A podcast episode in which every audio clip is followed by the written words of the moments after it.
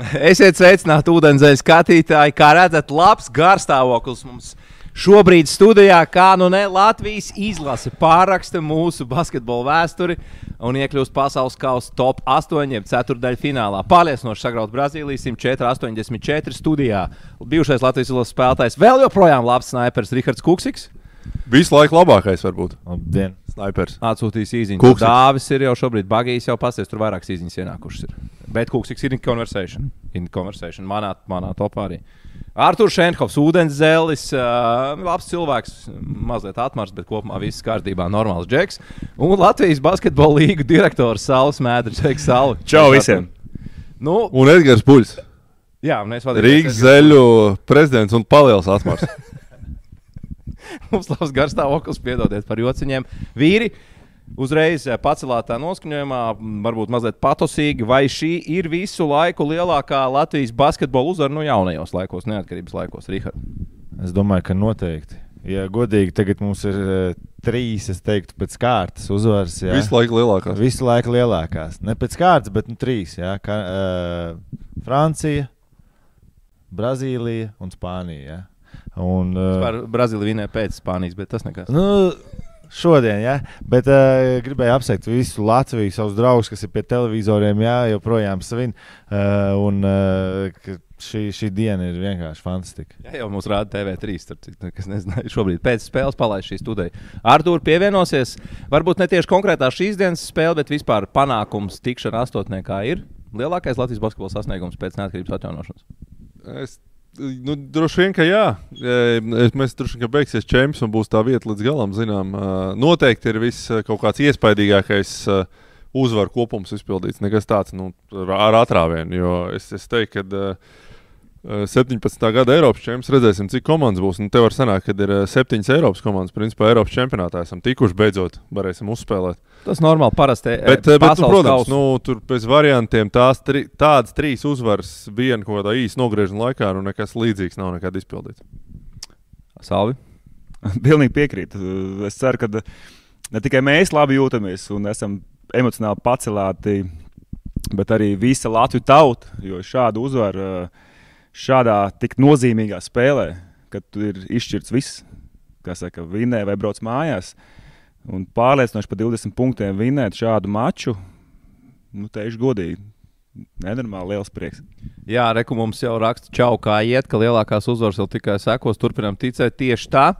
Bet vēl atgriezīsimies pie šīs spēles. Nu, man personīgi bija diezgan liela pārliecība, ka mēs uzvarēsim Brazīliju. Pirms otrā grupu turnīra man prognoze bija, ka mēs zaudēsim Spāniju. Atzīstos godīgi, man bija tāda prognoze, un ka uzvarēsim diezgan stabilu Brazīliju. Varbūt negaidīja ar plus 20, bet taktiski mēs esam. Nu, Trīs kārtas labāka komanda, mazie spēlētāji bez variantiem, labāk, nu, tur garie, jā, protams, viņiem jaudīgi, kurus mēs diezgan šodien labi arī apturējām. Kādas jūs, varbūt, bija- jums varbūt bija priekšnojautas pirms šīs spēles, un kur Latvija varbūt pārsteidz šajā spēlē, Rihard? Pa- Nē, nē, lūdzu, Artur, tu gribēji. Nē, nē, Iedēļ vārdu Rihardam Viedau. nē tev taču patīk pārtraukt. Lūdzu, pārtrauc arī Rihardu. Uh, es domāju, ka uh, Brazīlija noteikti bija bīstama komanda, skatoties, kā viņi spēlē pret Kanādu. Uh, viņiem ir uh, spēlētāji, kas ir gari un iet no, au, no topa ISO spēlē viens uz viens pret garajiem. Ja, un, un, un saspēles vadītājs, kurš ir dinamisks un kurš uh, var iemest trīs punktu metienu un padarīt citus labākus, kā arī līdz galam aiziet, ja, izraustīt visu aizsardzību. Uh, es domāju, ka viņi ļoti bīstami. Un pēc pirmā puslaika uh, es biju pat nedaudz aizmirsis par uh, Huertas, kas mums uh, bija liels problēmas. Visā, visā ziņā gan viņš pats uzbruka, gan viņš padarīja citus labākus. Uh, bet uh, otrajā puslaikā vienkārši tur bija uh, fantastisks basketbols no mūsu puses. 36 punktu, 3. ceturdaļā pārbraucam pāri totāli Brazīlijas ilsē. Nevar nepajautāt. E23, un tas neesmu es prasa. Artur, vai beidzot piekritīs, ka banķīri ievies uzvarētāju mentalitāti izlasē vēl joprojām? Nekā tur nav. Treneris pārvērtēts visu. Beidzot, izlase ir atgriezusies bankī kaut kādā savā līmenī, kur viņš desmit gadus bija pazudis no aprits. Paldies Džekiem. Lūk, es ceru, ka viņam kaut kādu kūku nopirks. Būs arī nopietna atbilde, vai šī ir tava nopietna atbilde?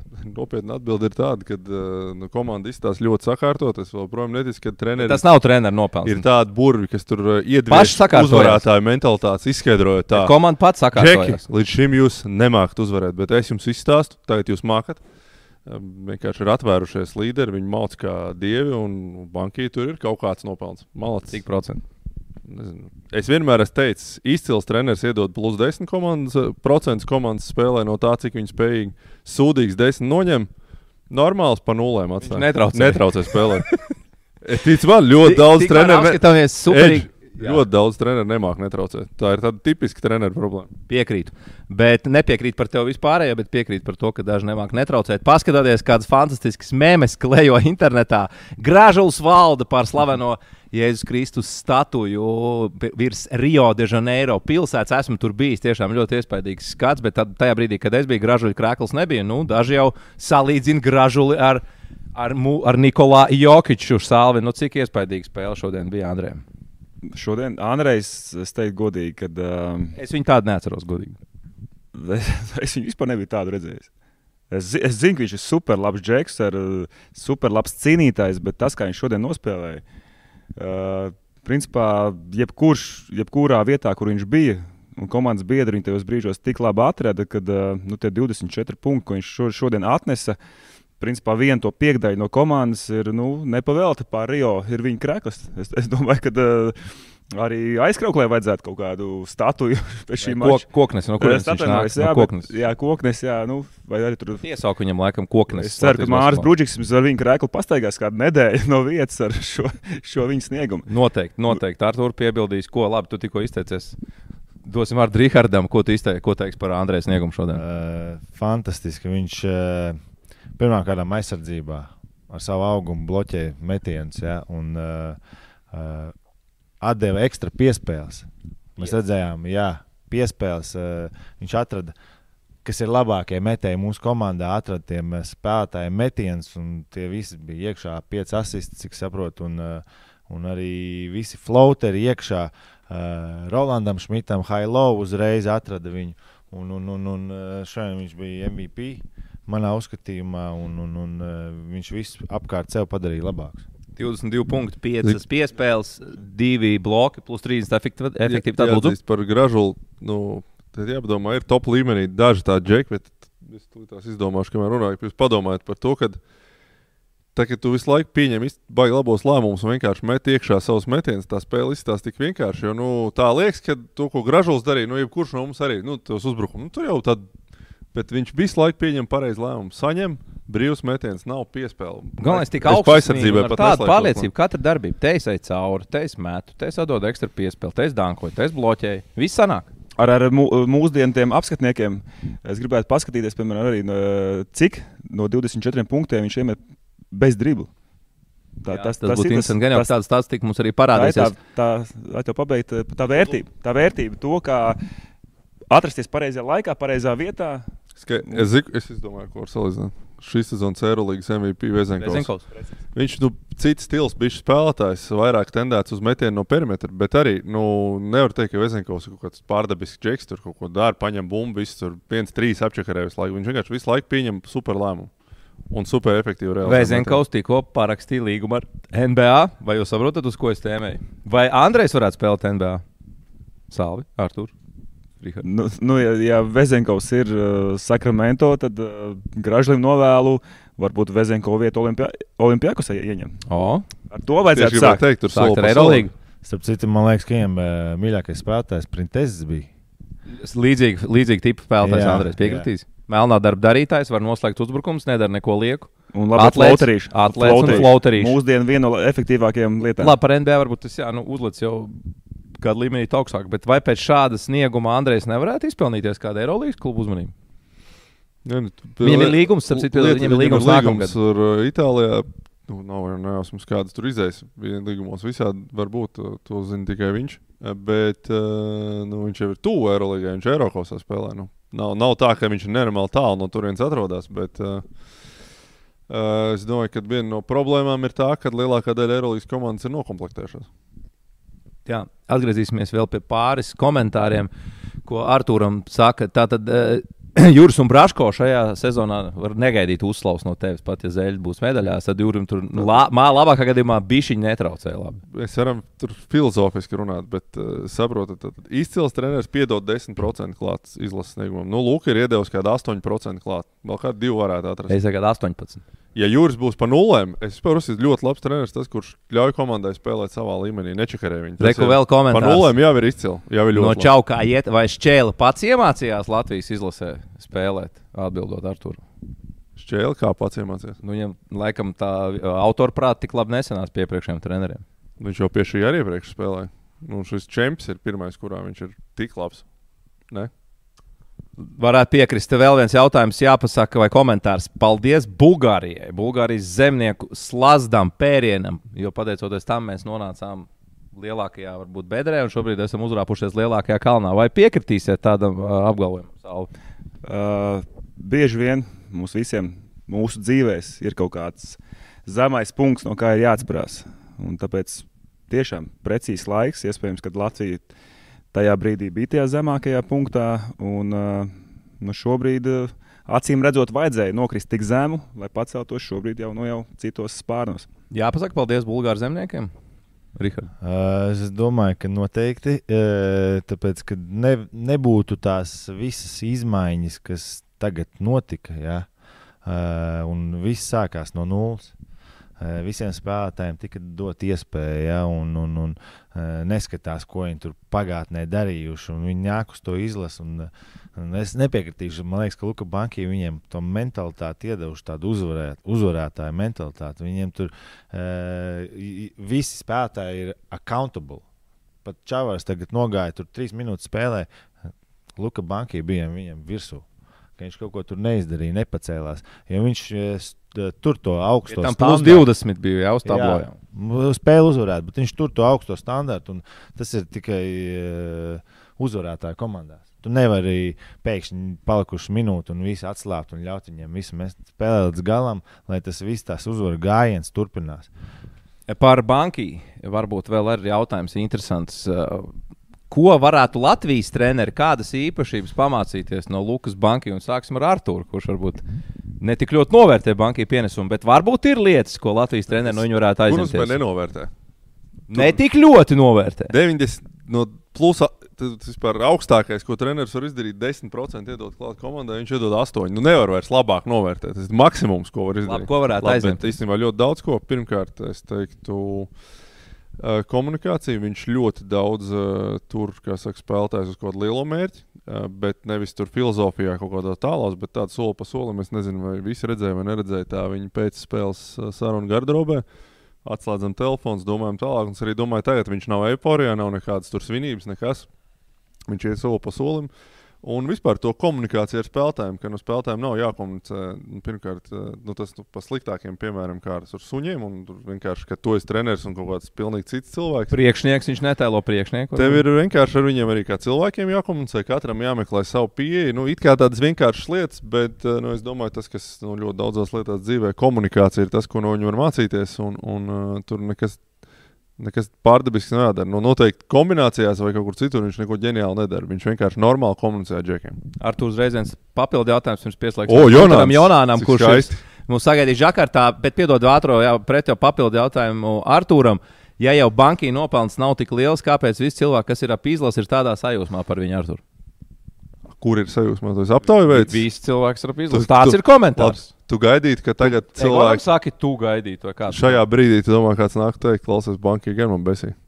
Nē, Es nu. zinu, ka ceļš nav bijis grūts un ne visi ir bijuši sajūsmā vienmēr. Tā Ok, varētu teikt. re, re, kur arī atbild Egonam. Sveiks, Gunter! Prieks tevi redzēt no Džakartas.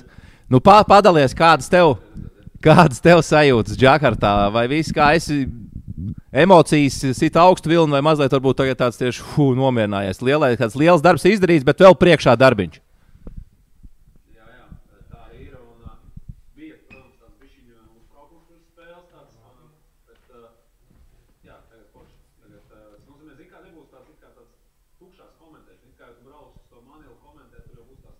Komandas, bet nu, kā tev vairs nebūs tāda emocionāla piesaiste. Bet tagad, zini, kā tu zini, tev būs vēl tās eh, vismaz trīs superīgas spēles, ko komentēt Latvijas valsts.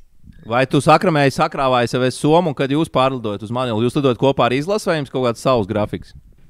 Nē, nē, mums ir savs. eh, Mums te vispār bija plāns, ja eh, Latvija nu, būtu zaudējusi, tad mēs varbūt pat brauktu rīt pa dienu, kaut kur brauktu uz, uz, uz, uz eh, Kuala Lumpuru, varbūt kaut kādām divām dienām, un tad tikai uz Manilu uz to. Jo mums ir pirmā diena, jo Latvijai tā būtu spēle tikai. Nu, mums būtu laikam tā ar otro dienu. jā. Trešdien Latvijas spēlē. Trešdienas. Jā, spēlē. jā, nu tagad, bet uh, tagad, jā, tad mums te viss mainās. Mums, mums tur jābūt bišķi laicīgāk, tur viss tā uh, kārtīgāk uh, jāsagatavojas tam visam. Tā kā brauksim, brauksim pat taisno rītā, pa nakti. Vak, nu, vēl, vēl. Mums kaut kā laikam no pirmdienas uz otrdienu pa nakti ir tas uh, brauciens. Tā kā Gunter, tev atvaļinājums sāksies. krāmēt rīt no rīta. Atvaļinājums tev sāksies mazliet vēlāk, mazliet vēl jāpašancē. Iedod Gunter savu viedokli par šodienas maču. Es domāju, tur varbūt iedod par šodienas spēli. Kas varbūt bija tie, tie faktori, kas mums ļāva Brazīliju nopērt tik pamatīgi? Mm. Es domāju, ka uh, mēs vienkārši arī nu, skaistā spēlē iesākās pirmais puslaiks. Mums izrāviens, uh, Portugāļiem izrāviens. Mums tur tāds izrāviens Portugāļiem. It Kā aizējām priekšā, pēc tam atdodam visu atpakaļ. Tā kā bija tāds sajūta, pat tā kā treneris Portugāļiem. Portugā, Brazīlija. Brazīlija. Tev pa ja viņi daudz jau, timeout- jā, tev jāatpūšas. Jā, jā, tie Brazīļi paņem taimo, Hopsonu atpakaļ. Ja, tad mums nākās ņemt nu, tāds, tā kā bijis tāds treneris, tāds pingpongs. Bet nu, man gribās uzsvērt to, ka mums, pieņemsim, ir tas, uh, ka nu, viņi nevar uz mums tā tik labi sagatavoties. Viņi nevar zināt, kurš spēlētājs uh, šodien iemetīs. Nu, kurš, uh, kurš paredzēja, ka Andrēs Gražuls ieliks šajā mačā tos 24 punktus. Ja? Viņš bija vienā spēlē mums rezultātīvākais spēlētājs jā, ar 16, bet mums tagad ir 5 mači mums ir 4 dažādi džeki bijuši spēlē rezultātīvākie spēlētāji. Rolands Šmits nav bijis nevienā, kurš bija rezultātīvākais spēlētājs visā kvalifikācijas, nevis kvalifikācijas, bet pārbaudas spēļu ciklā.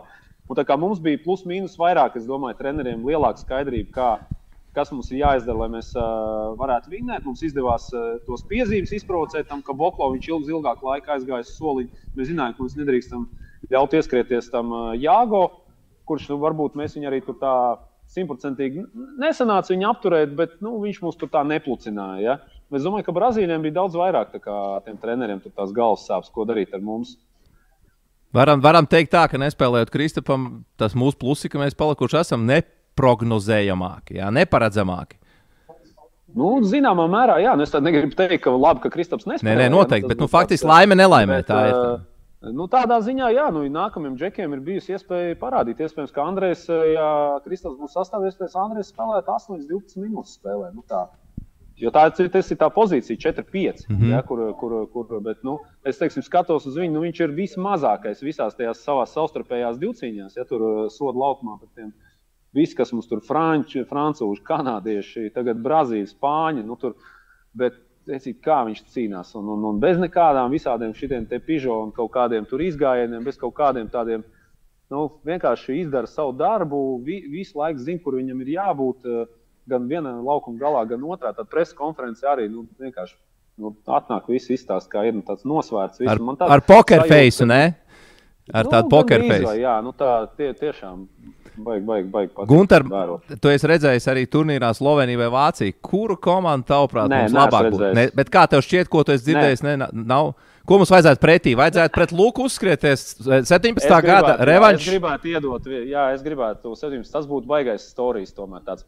Es domāju, ka tur, protams, abām komandām, no otras puses, varbūt pat vieglāk tur uh, arī par tiem slovēņiem. Nu, tu, tu arī zini, kas tur to spēli taisīs. Ja? Ir izslēgts Vācijai vairāk ieroču, vai ne? Vācijai Vāc- vairāk ieroču. Uh, skaidrs, ka nu, ko tikko es baigo gudrību pateicu, izslēdz Luku, ja, kuram, tas, kuram to ir izdevies izdarīt ja, līdz šim. Bet uh, nu, tu vismaz zini, kur, kur sagaidīt tās problēmas. Nu, vācieši tur viņi ļoti lieli. Viņiem ir lieli tie garie spēlētāji, uzbrucēji lieli. Un viņiem, principā, arī ārējā līnijā tas Šroders, kurš vienmēr izlasīja labi spēlē. Kaut gan Vācijai varbūt viņiem tagad, es redzēju, kaut kāds highlights, viņiem tur kaut kāda pat bakstīšanās, tur treneris to Šroderu tur rāva. Tik- tikko bija, apsēdies, tas ne- Jā, jā, nu tur tāds varbūt viņiem. Un redzēšanas traumēts vēl ir. Vismaz šodien nespēlē. Vāgners traumēts. Bet zini varētu kā, būt es domāju, ka tagad mums ir vienkārši katra spēle jāskatās. ka Nākošā spēle pretinieks jāgatavojās un, uh, un jāspēlē. Ja tur, manuprāt, šitie varianti, ka tu sāc izvēlēties tos pretinieks, kas būtu labāk, kas, kas būtu tas, nu, ret, kad. Nu, Noteikti, ka domāju, tādā treneri- zi- Noteikti, ka treneris un spēlētāji to nedrīkst. Tas mēs, no apskatnieki, divāni eksperti, ja divāni no sēžam. No jums, tas, lai- kas tāds ko jūs gribētu redzēt? Nu, tas būtu forši, forši atspēlēt. Stāsts, protams, stāsts Slovenijai. Žēl, ka Kristaps vēl nav, lai Kristaps arī Lukam atriebjās. Gan par to 17. gadu, gan mazliet par Dallas gadiem. Tas būtu interesanti. Gunter, iedod noslēgumā savu viedokli. Te mums ir diskusijas mazliet. Vai banki nopelns ir tāds tik liels Latvijas izlases panākumu labā, vai vienkārši džeka paši atvērušies un treneru ieguldījums nemaz nav tik liels, kā Artūrs saka? Atkal nepareizi interpretēja. Nekas. Nē, nu labi, tikai tā jau tas ir. ā, Nē, es domāju, arī gājienu, tu jau tādā zini. ilgākā, ilgākā, ilgākā, varbūt tādā laika posmā, tajās preses konferencēs, paklausoties Lukas bankai, pastoties tās viņa eh, pirmsspēles, pēcspēles kaut kādas intervijas. Nu, viņš tādu kaut kādu kultūru bišķiņu varbūt ir, es negribu teikt, uh, mainījis vispār, bet viņš ir savu kaut kādu ienesis iekšā. Ja tādu, es domāju, tieši tādā komunikācijā ar spēlētājiem, komunikācijā ar mēdījiem, tur tāds, viņš ir atvērts. Ja mums jau tomēr ir vispār tā latviešu mentalitāte tāda, nu, ka citreiz pēc kaut kādām neveiksmēm, vēl kaut kur mēs tur kaut ko ieraujam sevi, nerunājam, liekat, man te mieru, nu tā kaut kā tāda, nu, viņš tāda nos, nu, noslēgtāka cilvēka. Es domāju, viņš ir kaut kādā veidā ir spējis uh, atvērt uh, to, varbūt tos spēlētājus kaut kā tieši. Bet es nedomāju, ka viņš, viņš, viņš starp citu, pats pēdējā šajā, tik, tikko bija pēdējā preskonferencē, viņš uzsvēra, nu, ka tas nav viņš viens pats. Neaizmirsīsim, ir Jānis Gailīts, Artos Visautskas, Rūbens Ulrichs, Švēdi. Viņi tur no rīta līdz vakaram tur skauto un dara. Ja? Fiziskās sagatavības treneri, viss tas, nu, vienkārši kaut kādā veidā viņš ir panācis, ka tā komanda tad viss tā kā, nu, kā saka, Vienots vesels, tikšķi ne? Kā ritmā. Ja? Jā, vienots vesels. Un, un, un, un, es neteiktu tā, ka, kā, kas man atkal visinteresantākais liekas, tas bišķiņ, kas ir mainījies Latvijas basketbolā. Tagad virsraksts būs pēc šī čempionāta astotā vieta, viss baigi labi. Ja? Uh, Tā, kāpēc astotā vieta? Man nepatīk tas komentārs. Nu, nē, fuj, es pārsteigts. Astotnieks. Astotnieks, Top 8, okay. top 8 pasaulē. Ja? Top 8 pasaulē. Ja? Atcerēsimies, pirms diviem gadiem Latvijā nu, vajadzēja super revolūciju. Viss jāatlaiž, viss jāmaina. Zaudējām Bulgāru zemniekiem. Ja? Kas ir mainījies pēdējos gados? Luka. Nekas nav mainījies. Nu, tā, nu, ir atnācis Luka, jā, bet tas ir vienkārši viņš ir nu, piekuriģējis to. Nu, pārlicis to ķirsīt uz tās tortes, ja tur tā nevis kaut kur maliņā, viņš tā pļaktā karājās, līdz nokritīs. Viņš ielicis ir vidū visu, un kūka baigi forši. Kūka nav mainījusies. Kūka ir tieši tā pati. Ja? Tas Latvijas basketbols ir tas pats Latvijas basketbols. Tā kā, nu, nu vien, viss jau ir superīgi, bet nu, tā bija viņa pa, pa, pa, pastoties. Nu, es vienkārši gribēju redzēt tos visas tās preses eh, reakcijas, tos pašus cilvēkus, kas varbūt bļāva par to, cik, cik viss ir slikti, kas tagad teiks, nu, cik viss ir, viss ir labi. Nu, tā. Labi, Gunter, paldies, ka pievienojies mums no Džakartas. Atpūties mazliet, tev, ar jūs, ka tu esi labi pastrādājis. Jūtām tavas emocijas arī tiešraidē. Tev vajag, vajag mazliet atvilkt telpu, zin kā. Lai rastu astotā vietu, jau savādāk iedot pret portugāļiem laižam. Vai es pret portugāļiem laižam? Nē, nu, man ir tādā ziņā, kā viņi tur portugāļu valodā runā. Jā, jā. Tāpēc, tā, Gunter, teikšu tev tā, obrigado. Jā, Dievs. Obrigado. Jā, paldies un uz redzēšanos, lai tev labs vakars šovakar ar, ar faniem. Varbūt, ka tu arī vari beidzot Jums pie tās arī. koliņas, pie tās koliņas tikt, ko tu tur Nevar, mums vēl tagad būs Kanāda, Spānija. Kanāda. Es domāju, ka tur arī. O, bū- Es, es turēšu īkšķi pa Spāņiem, tas būs interesanti. Mēs tad esam pirmie grupā. Starp citu, ja uzvar, esam pirmie ja uzvar grupā. Spāniju, mēs esam pirmie grupā un izskatās, ka Vācija graujot Sloveniju, man ziņo šeit. Tad, tad mēs laikam izējām uz Slovēņiem. Mēs Kā jūs pirmie. prognozējat, kas uh, Spāņu vai Kanāda? Kas, kas viņi... Kanāda. Es saku, Spānija, es saku, Spānija saņemsies Kanāda. eh, pēc zāģa, un uh, Kanāda parādīja, ka viņi ir ievainojami. Tā Rihards saka, Kanādas nedzirdēja sāls, ko saka. Piekrītu Ar Arturam. Kanāda iet pāri. 2, 2, 2. Paga, paga, trīs Trīs Kanādas. viens, trīs viens. viens. Trīs Viens. Kanādas, Edgars. Vamos, Spānija. Vamos! Un tu Spānija. Jā. Vācija tikmēr Nu, plus es, es domāju, 21. ka tādā līdzīgā, līdz, ja būs līdzīga spēle, tad Spāņu toču paņems. Tā ir jā, nu, ar ja tur tāds punkts punktā. Jā. Labi, Ok, labi, Gungaini. Obrigado, jā, Devs. Tu esi labākais. Tiekamies Manilā. Gungaini. Nē, tu Arčik, es labāk. Tu esi vis, visforšākais Arčik. Tu esi labākais. Tiekamies Manilā. Banki, banki vislabākais. Čau! Jā. Čau. Nu, ko daudz te komentāru ienākuši, kamēr Gunārs mums runāja. Ja, komentārs no Agna, Agņa Kļa, Kaļvas, laikam, Kaļvas, laikam. Jāuzvar jebkurš, pilnīgi vienalga, kurš nāk pretī, piekrītam. Džei, pacietība, komunikācija, disciplīna un pazemība iekavās angļu valodā stay humble. Tas ir tas, ko dod banki. Humble. Piekritīsiet, ka viņš mazliet atslāts, atsēdina mūs pēc varbūt kaut kādos brīžos, neļauj mums iet eiforijā. Starp citu, esat pamanījuši, kā bankīs viņa uzvaras, jau sākot pēc trakās uzvaras ar Franciju. Nekādas lēkāšanas fanu priekšā, nekas ļoti pazemīgi, cienīgi aiziet pie pretinieku kolēģiem, paspiež roku. Jā. Nu, varbūt beigās tikko nesa šo boarding passu no, no, no, no Džakartas. Bet tas ir uz pēc Manilu. tam, tas Tikai pēc pēc tam, spēles, ka ir viss pasniegts, paspiests viss rokas, kad ir novērsts. Vai tas ir tas, ka viņš iedod arī mūsu džekiem, hei, hei, nelidojiet neviens, paliekam pazemīgi, un tāpēc mēs esam gatavi nākamajam spēlēm, Rihard. Tieši, tieši to es arī domāju. Viņš devis uh, to īso atmiņu. Uh, vinēt forši, jā, bet darbiņš nav padarīts. Uh, darbs ir galvenās spēles te priekšā. Un, uh, tā īsa atmiņa ir tā, kas uh, uh, parī pa visu spēli. Viena neveiksmīga kļūda, aizmirstam, turpinam spēlēt. Un visi brīvi spēlē, viens otru padara labāku. Un tā, tā īsa atmiņa arī pēc uzvarām. Forši vinnējām, aizmirstam, nākamā spēle. Un arī pēc zaudējumiem. Jā, Tur es pārbaudu spēli Lietuvai. Jau, jau kā- arī kā- daļa jau bija panikā. Jā, viņš Ar mierīgi. Kanādu nu, diezgan pārliecinoši mūs paņēma, bet viss nav nekāds stress. Ļoti labs komentārs no KK. Jāspēlē pret Sloveniju. Tas varētu būt ideāls plakāts tribīnēs. We have the best Luka in the world. Jā, tāds sejā Lukam Dončičam. Baigi labs tas būtu. Es sagaidu kaut ko tādu no mūsu faniem.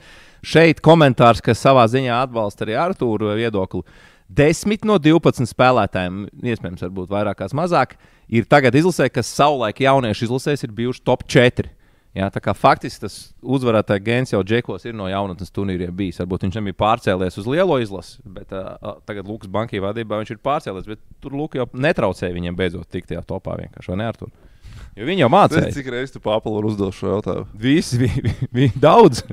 Es nezinu, kā vēl var atkārtot to, ko jūs teicāt daudz reizes. Nē, nu piekrīt par šiem spēlētājiem, ka tas jau tomēr ir parādījies. Es jau visu laiku tev saku, ka tu daudz, tu nevari baģiski spēlētājs, kas debāk uzvarēt, viņam ko izskaidrot ar trīs teikumiem, un viņš beigas uzvarētājs paliek. Nu, tur jābūt kaut kādam līmenim, jau psiholoģiski arī skilos.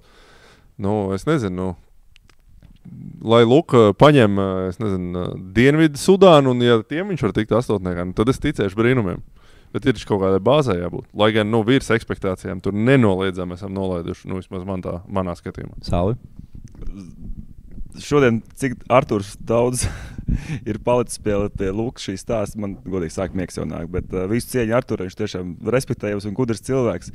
Bet es tiešām teiktu, ka uh, šis jūsu pieminētais stāsts jau, kas Lukam arī palīdz, un arī šobrīd pie šīm uzvarām, vai arī pēc zaudējumiem, es zinu, kā asistents strādā un cik viņi maz guļ, lai sagatavotos šim nākamajam stāstam, lai nākamajai spēlē. Un tas atkal parāda to spēku, tie, ko, tie, tieši to, ko jūs tikko pieminējāt, kā viņi gatavojās tam, kas ir noticis. Tā kļūda iespējams ne uzreiz labojam. Uzvara ir dabūta, bet vai ejam tālāk. Ejam Re, tālāk. respektīvi, ka šis, ir daudz, šis stāsts ir daudz vairāk nekā Luka, bet viss treneris štābs Jānis Gailīts, Arthurs Zolskis, Rubens, Ulda Švede, Oskars Ernsteins, ā, tāpat medpersonāls, es saprotu, labi savācot Džeku Sanses Biedrs, Mārtiņš Pulvers un, un varbūt es kādu piemirstu Ivars Ikstens, kurš daudz strādā arī ar Kristapu individuāli un arī ar komandu kopumā. Tieši tā, un tas uh, Gunter pieminētais, tas ķirsīts, kurš bija noslīdējis, iespējams, ir tas Luka, kas ir tas kūks vidū, un, un līdz ar to tā kūka ir ļoti No, saturīga. Arthurs tā nedomā, bet iespējams, ka tā ir, ko tu teiksi par šo visu. Es domāju, ka, uh, ka uh, tas ir viss komandas nopelns. Un uh, Luka ir vienkārši tas, kas visus tur pie augsta standarta. Visus. Sākot no medicīnas, no spēlētājiem, no, kas tur ir mēdījos, un visus viņš tur pie. Uh, uh, Izņemot, izņemot Edgars mēdījos. Uh, Vispārēji ir liberīgi. tiek turēti. Ne- Nevienu vārdu Edgars slikti nav teicis par viņu. Tieši tā. Tā viņi ne, bet nu, standarts netiek noturēts. Lūdzu, turpini, Rihard. Um, un, uh, es arī gribēju pateikt par Luku. Manuprāt, viņš arī to pa komunikāciju ja, runājot. Viņš ļoti labi nokomunicē to spēles plānu. Viņš uh, nodod to galveno mēsīju spēlētājiem tā, ka viņi saprot, kas ir jāizdara, lai tā spēle tiktu uzvarēta. Paskatīsimies, vēl, kas notiek interesants turnīrā. Jā, jau mazliet pārējot uz priekšu, kas vēl sagaida mūsu izlases un pārējās komandas. Nu, ko mēs varam pateikt, ka Itālija jā, ir, ir, ir saņēmusies, jā, kas likās, ka viņi vispār varētu netikt top 16 fāzē. Beigās mazliet pārsteidza, uzvarēja, ko viņi uzvarēja Serbija. Serbijā, jā, un tikko uzvarēja arī Puertoriko. Un faktiski pir ar pirmo vietu var iziet ārā no. No I grupas skatāmies, ir kā Dominikāna Serbijai plus 21 pret Dominikānu. Tur viss būs beidzies Dominikānai. Tie Nu, labi nolaida jā. Lūnu pret Puertoriko un tagad jābrauc mājās. Jā, tieši tā. Savukārt Vācijai, nu, bez variantiem, 4. ceturdaļas, 8. minūte, ka Vācija būs pirmajā vietā K grupā, Slovenija būs otrā. Attiecīgi, ja mēs uzvarēsim L grupā mēs spēlēsim pret Sloveniju. Jā. Būsim otrie, tā tad attiecīgi. Nu, Ja Spānija uzvarēs Kanādu, mēs būsim Paga- pirmie. Ja sanāk, Kanāda ja Spānija, Spānija, ja Spānija uzvar Kanādu, tad uh, septiņas. Eiropas komandas un, uh, un, un amerikāņi. Jā. Un ko tas vēl nozīmē? Tas nozīmē, ka mums ir jākļūst, jāvinē ceturtajā finālā, ja mēs gribam tiešo biļeti uz Parīzi, jo tikai divas labākās Eiropas komandas tiks pat aiz no zoniskām Es spēlēm. tas neko daudz, uh, neko dzīvē nemaina, bet Lietuva šobrīd ir pirmā ceturtajā 23-10 pret Ameriku. Jā, un tie ir komentārs, kā tiesneši velkot amerikāņu mačā pret Lietuvu. Tā kā tā, nu, tas tā, protams, vienmēr būs kāds komentārs. Kurš no Latvijas treneriem pirmajā sabraukumā būtu uzrakstījis paņemt sastāvā Kohu, Čavaru, Mīšku, Nemējeru un Šķēlu? Tas laikam par 21. gada kvalifikācijas kvalifikāciju, jā, kaut kā. Atceroties tos laikus, kad varbūt Lukas uzticējās šiem jauniem spēlētājiem. Tā Es parādījās tev Čavars, iedošu, iedošu pretargumentu. Čavars Lemans, Lūdzu, Artur. Es nezinu, kurš bija vecākais vai Stelmachers, bet kad Rodions Kuruts pirms uh, no nekurienes ielika sastāvā, tad es atceros, ka viss bija ļāva, kas te kaut kādu pa eksperimentiem ir. Vajag taču pieredzējušās vērtības. Jā, tāpēc, ka nesenāca toreiz, tādiem žēl ir. Nē, es jau ne, nesaku, bet faktiski ļoti bieži nos, nu, stāsta.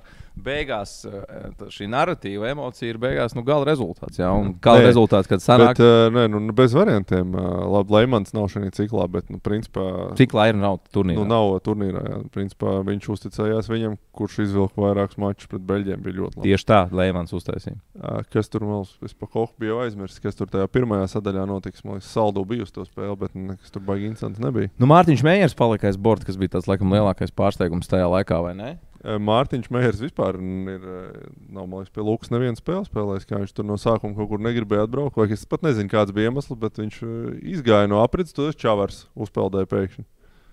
Es domāju, ka te bija divi līdzīgi spēlētāji, Čavārs un Mējas, un tur vienkārši bija jāizdara sava izvēle. Un, uh, Lukam simpatizē Čavārs.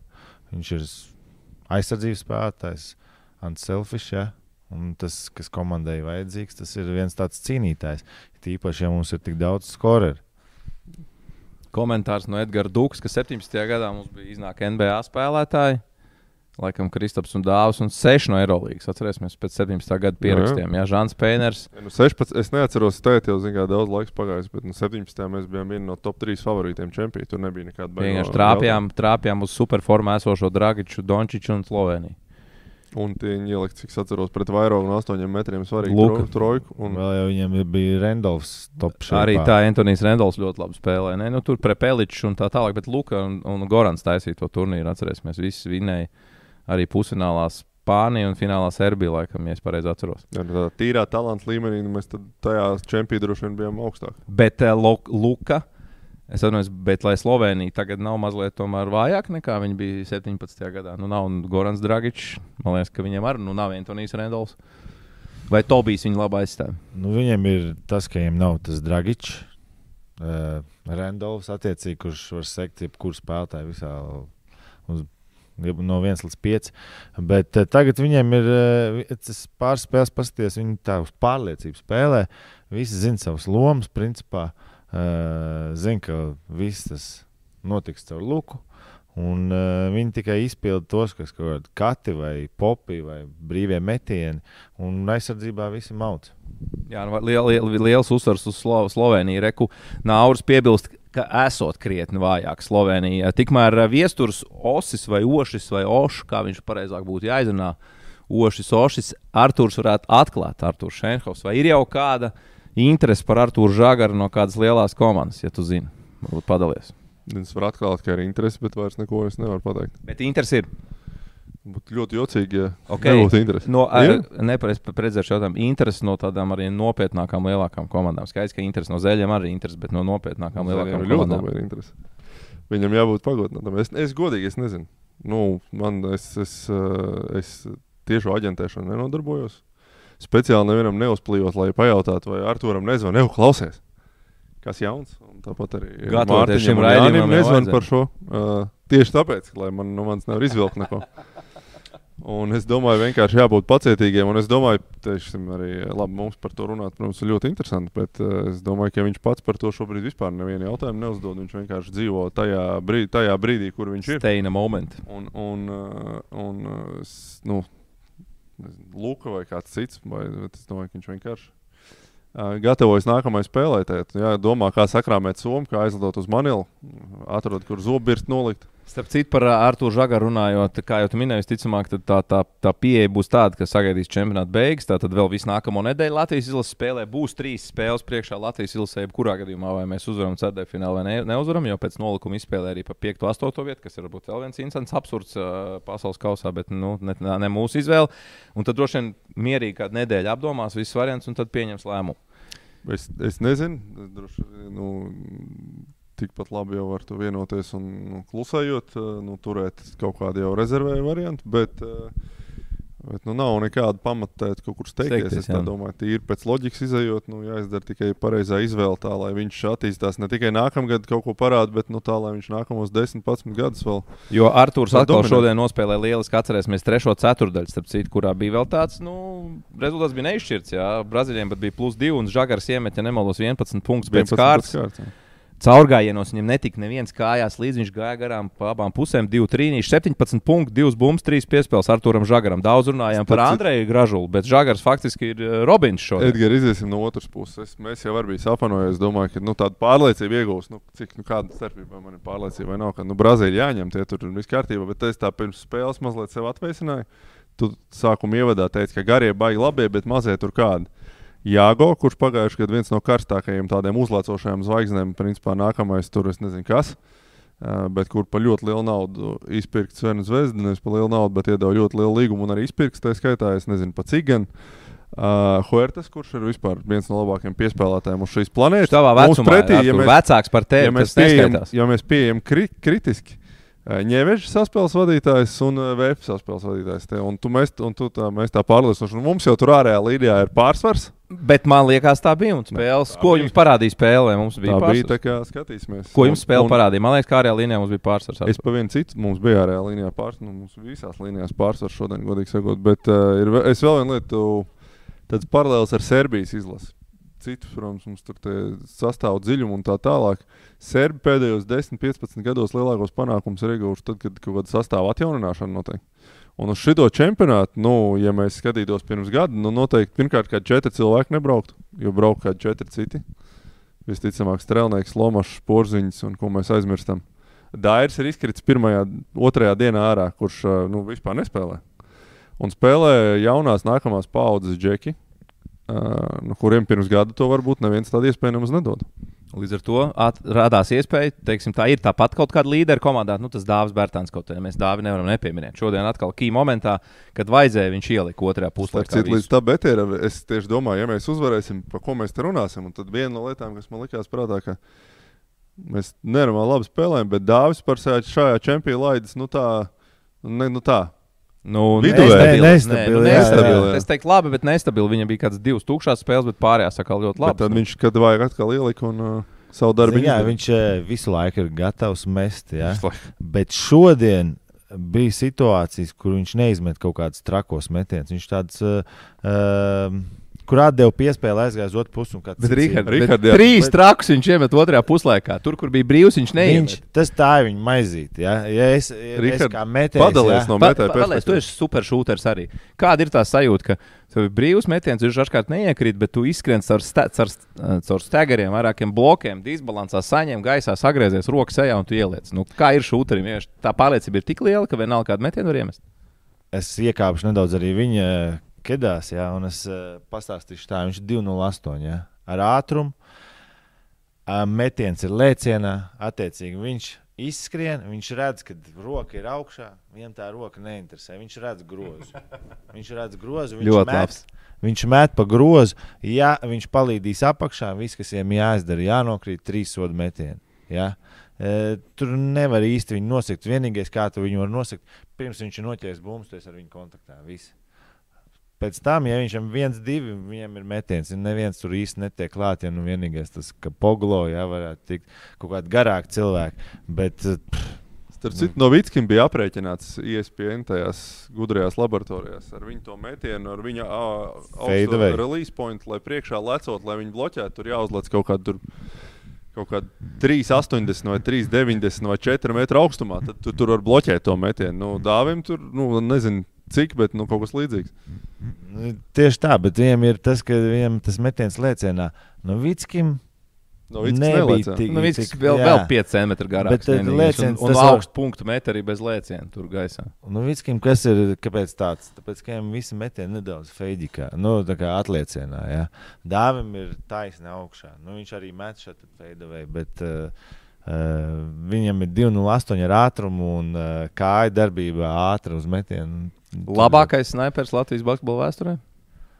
Es domāju, ka jā, jo, jo neviens, eh, nezinu, Latvijā nav pelnījis 16, 17 miljonus par, eh, Par to, ka met grūmu umgrodā. Jā, jā. trīs punktu metiens. 2,08. Jā. Citu, lai, lai cilvēki saprotu, ka viņš ir 2,08. Viņš nav kaut kāds tur metis 95, kas skraida un met. Viņš ir 2,8, kas, skraida un un met.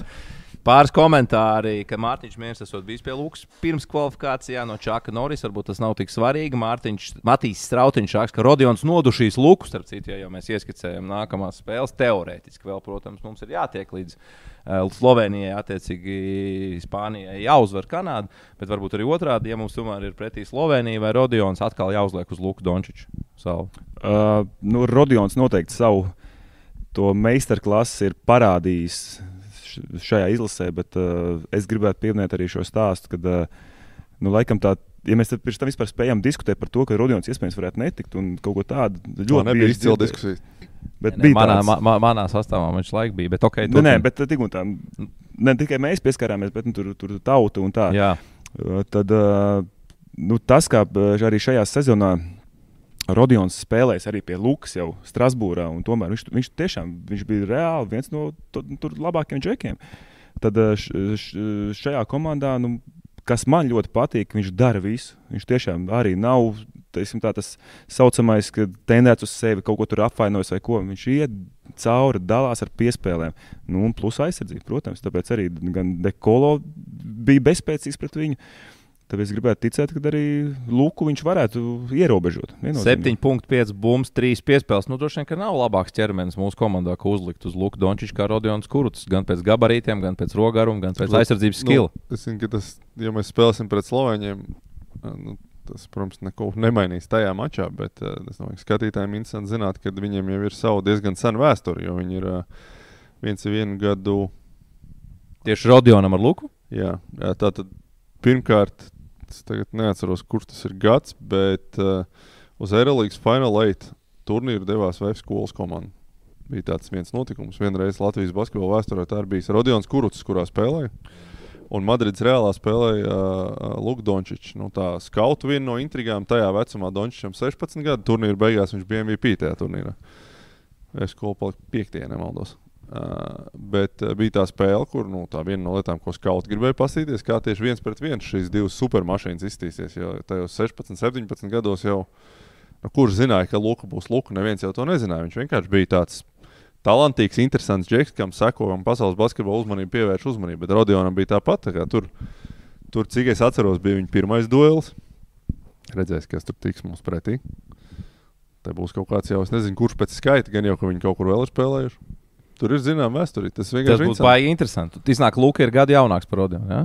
Tā sanāk, 99. gads, Rodions 98. Nu, lūk, tā kā ļoti interesanti. Zorigs arī tajā mačā spēlēja. Nu, pēc, pēc gabarītiem varam teikt, ka Lu- Rodions arī ir mūsu brīnumbērns. Jā? Luka varbūt Jā, ir viss. pēc kopējām prasmēm un skila, jā, jau visas pasaules basketbola brīnumbērns. Tad Rodions atkal pēc fizikiem tūļiem, jā, viņam varbūt nebija iespējas, viņš nebija savas prasmes apliecinājis laukumā. Varbūt beidzot ir pirmais turnīrs, kur pa īstam gan Latvijas basketbola fani, gan arī pārējie uzzina par Rodionu prasmēm. Un Viņam neslikta sezona bija NBA, kad viņš 10 plus punktus vidēji mačā lika. Tā kā nav tā, ka viņš no nekurienes Jā, jā, bet nu, šobrīd. pēc tam faktiski ne, ne, nebija salicies. Viņam tad tur gāja viss kaut kādā ne tajā virzienā. Nu, es gribēju pateikt, uh, jā, jūs piemēram, slavējat Rodionu. Viņš ir malacis, viņš ir aizsardzībā monstrs, bet uh, es mazliet kritiku viņam. Uh, Uzbrukumā viņam ir pie kā strādāt. Jā. Protams. Diezgan uh, daudz. Viņam potenciāls ir jā, milzīgs. NBA jā, viņš uz enerģiju tos desmit punktus savāc. Jā, jo tur regulārā sezonā nu, viņi spēlē kā spēlē. Es domāju, ja Jā. viņš uzbrukumā spēlētu kā aizsardzībā, tad viņš NBA vēl joprojām atrastos. un Noteikti, noteikti. Pa gabarītiem 100%. Nu, nu, 206, cik roka izvērsums ir Rodionam? Nezinu, daudz. Jā. Daudz Pie, pie tur 2,20 varētu būt. Nekad 2,17. Danko visos dzirdēju. veidos no abām kājām no vienas kā vajag. Viņš tajā ātrajā uzbrukumā aizmet lejap garām pats, tā kā volejbolā iesit apakaļ iekšā. Ja? Nu, tas ir uh, NBA uh, gabarīti. Un, un, un, un, uh, bet, uh, jā, nu, šitais turnīrs, es domāju, ka viņam tādu kaut kādu iedos ekstra uh, solīt uz priekšu. Uzbrukumam. Edgars Duka tikmēr raksta, ka mūsu saspēles vadītāji patīkam pārsteidz, bet bail bija pirms turnīra domāt, kas nu būs laukumā bez strēlnieka smadzenēm un, un pieredzes. Bet redzam, ka mūsu pointgārdi ir pārsteiguši. Zorgs Žagars, par ko es domāju, tev īpaši liels prieks, Artur, un arī visiem pārējiem. Nē, man prieks, es pirms turnīra apzināti neplātījos ar to, bet tas, ka viņi individuāli labi spēlēs, nu, es biju diezgan pārliecināts par to. Tas, ka tas novedīs pie uzvaras pār Brazīliju, Spāniju uz Franciju, nu, uz to es necerēju. Ja vēl bankai nedraucētu Žagaram, tad viņš vēl labāk spēlētu. Ne? Saula palīdz man uz to tik galā. Nē, nu, e, kā jūs domājat? pla, palūdz, ja plati nomainīt, var palūgt. Nē, nē, ļoti labs jautājums, Artur, bet tieši tā, es, es arī gribēju jums jautāt, nu, kā jūs domājat? Uh, pie, tavs, pie tevis teiktā, nu, cik ļoti Luka ir iedevis Žagaram tā kā, spārnus vai pārliecību? Artur? Pišķiņi. Tie paši 8%? Nu, var, varbūt, nu kā, nu, Vai atkal Nu, sāk deviņi mie- varbūt. labi. es- Atkal sāk miegs nākt. Šī bezcerīga tēma ar jums cīnīties. Es pa, uh, domāju par žagaru tieši konkrēti runājot. Ja? Tie spārni vienmēr bijuši. Ja? Jā. Uh, un, uh, bet Luka viņam to kri kritiku iedeva, ja?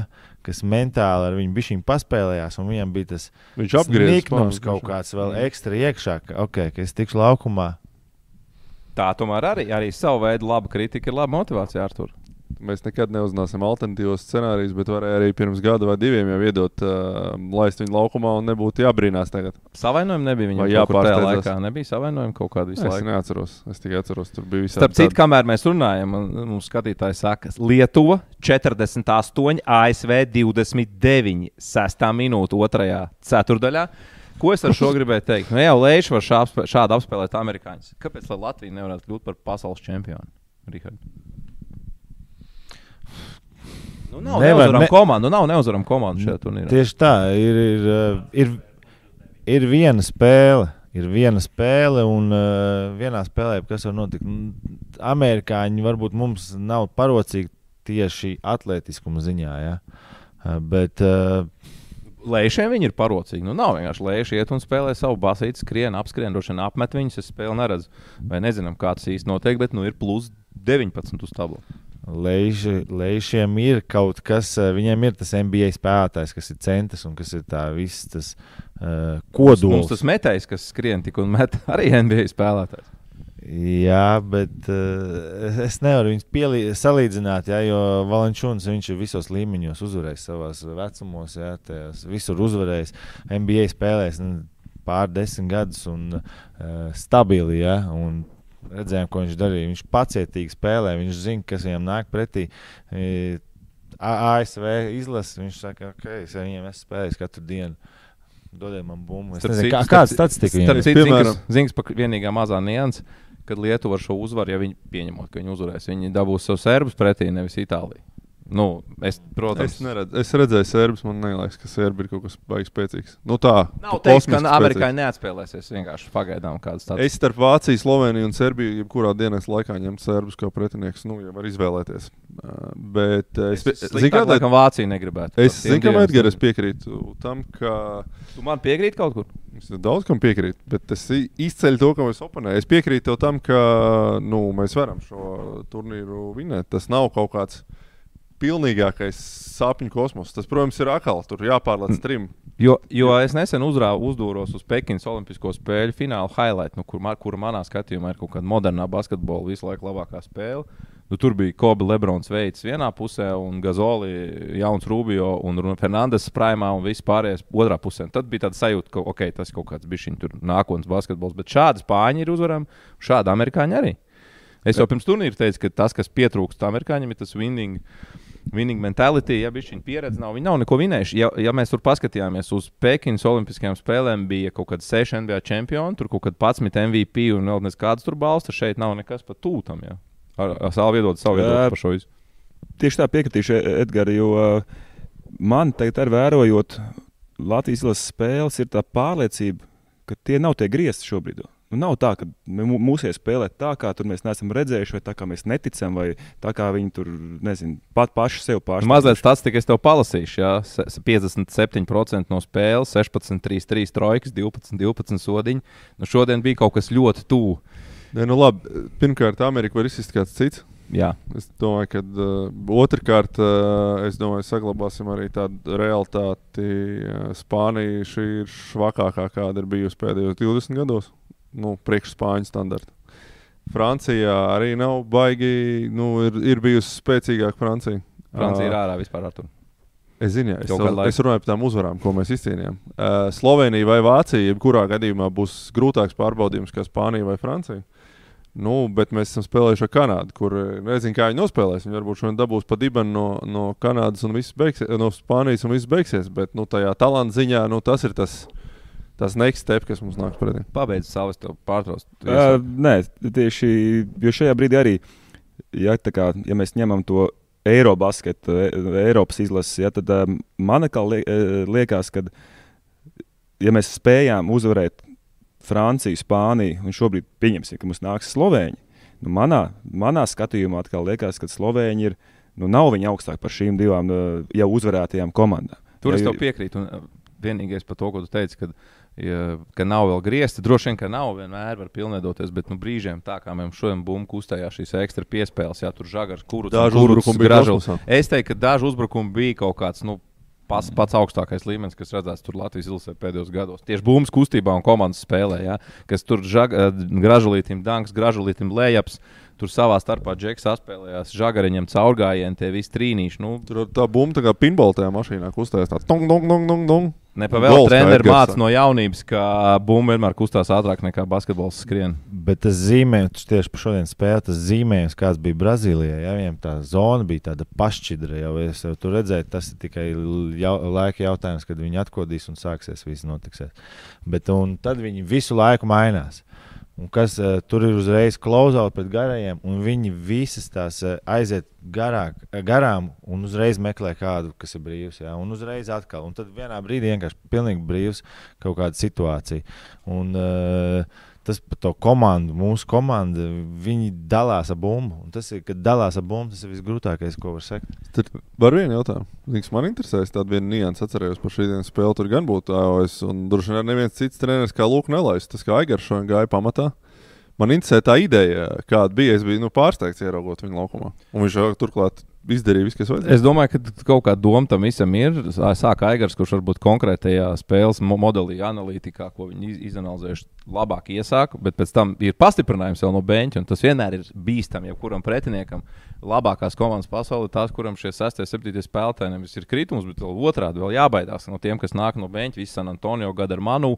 Dallasai tur Terijs savulaik tajā pašā at, Pekinā veids nāca uz mājiņu, mājas izlasē. Nu, labi, tur Uber talants, bet tu ienāk Džeks, kurš bija rezultātīvākais turnīrā. Ja?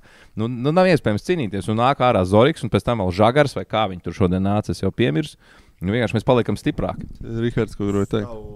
Jau, uz tavu jautājumu atbild, es domāju tādu, ka viņš iespējams viens uz viens uz tām maiņām būtu labāks nekā Artūrs Kuruts attiecīgi, un arī uz visiem klauzautiem. To arī viņš parādīja. Viņš aizgāja tur pāris lejups, vienkārši pret garajiem iemet. Jā. Par Roģiku šodien daudz runājām. Arturam Kurucam šodien 4-4 trīnīšos. Tā kā Lomiks, kurš viņus vairāk kritizēja, es domāju, ka Lomiks arī šobrīd mazliet norīkojās.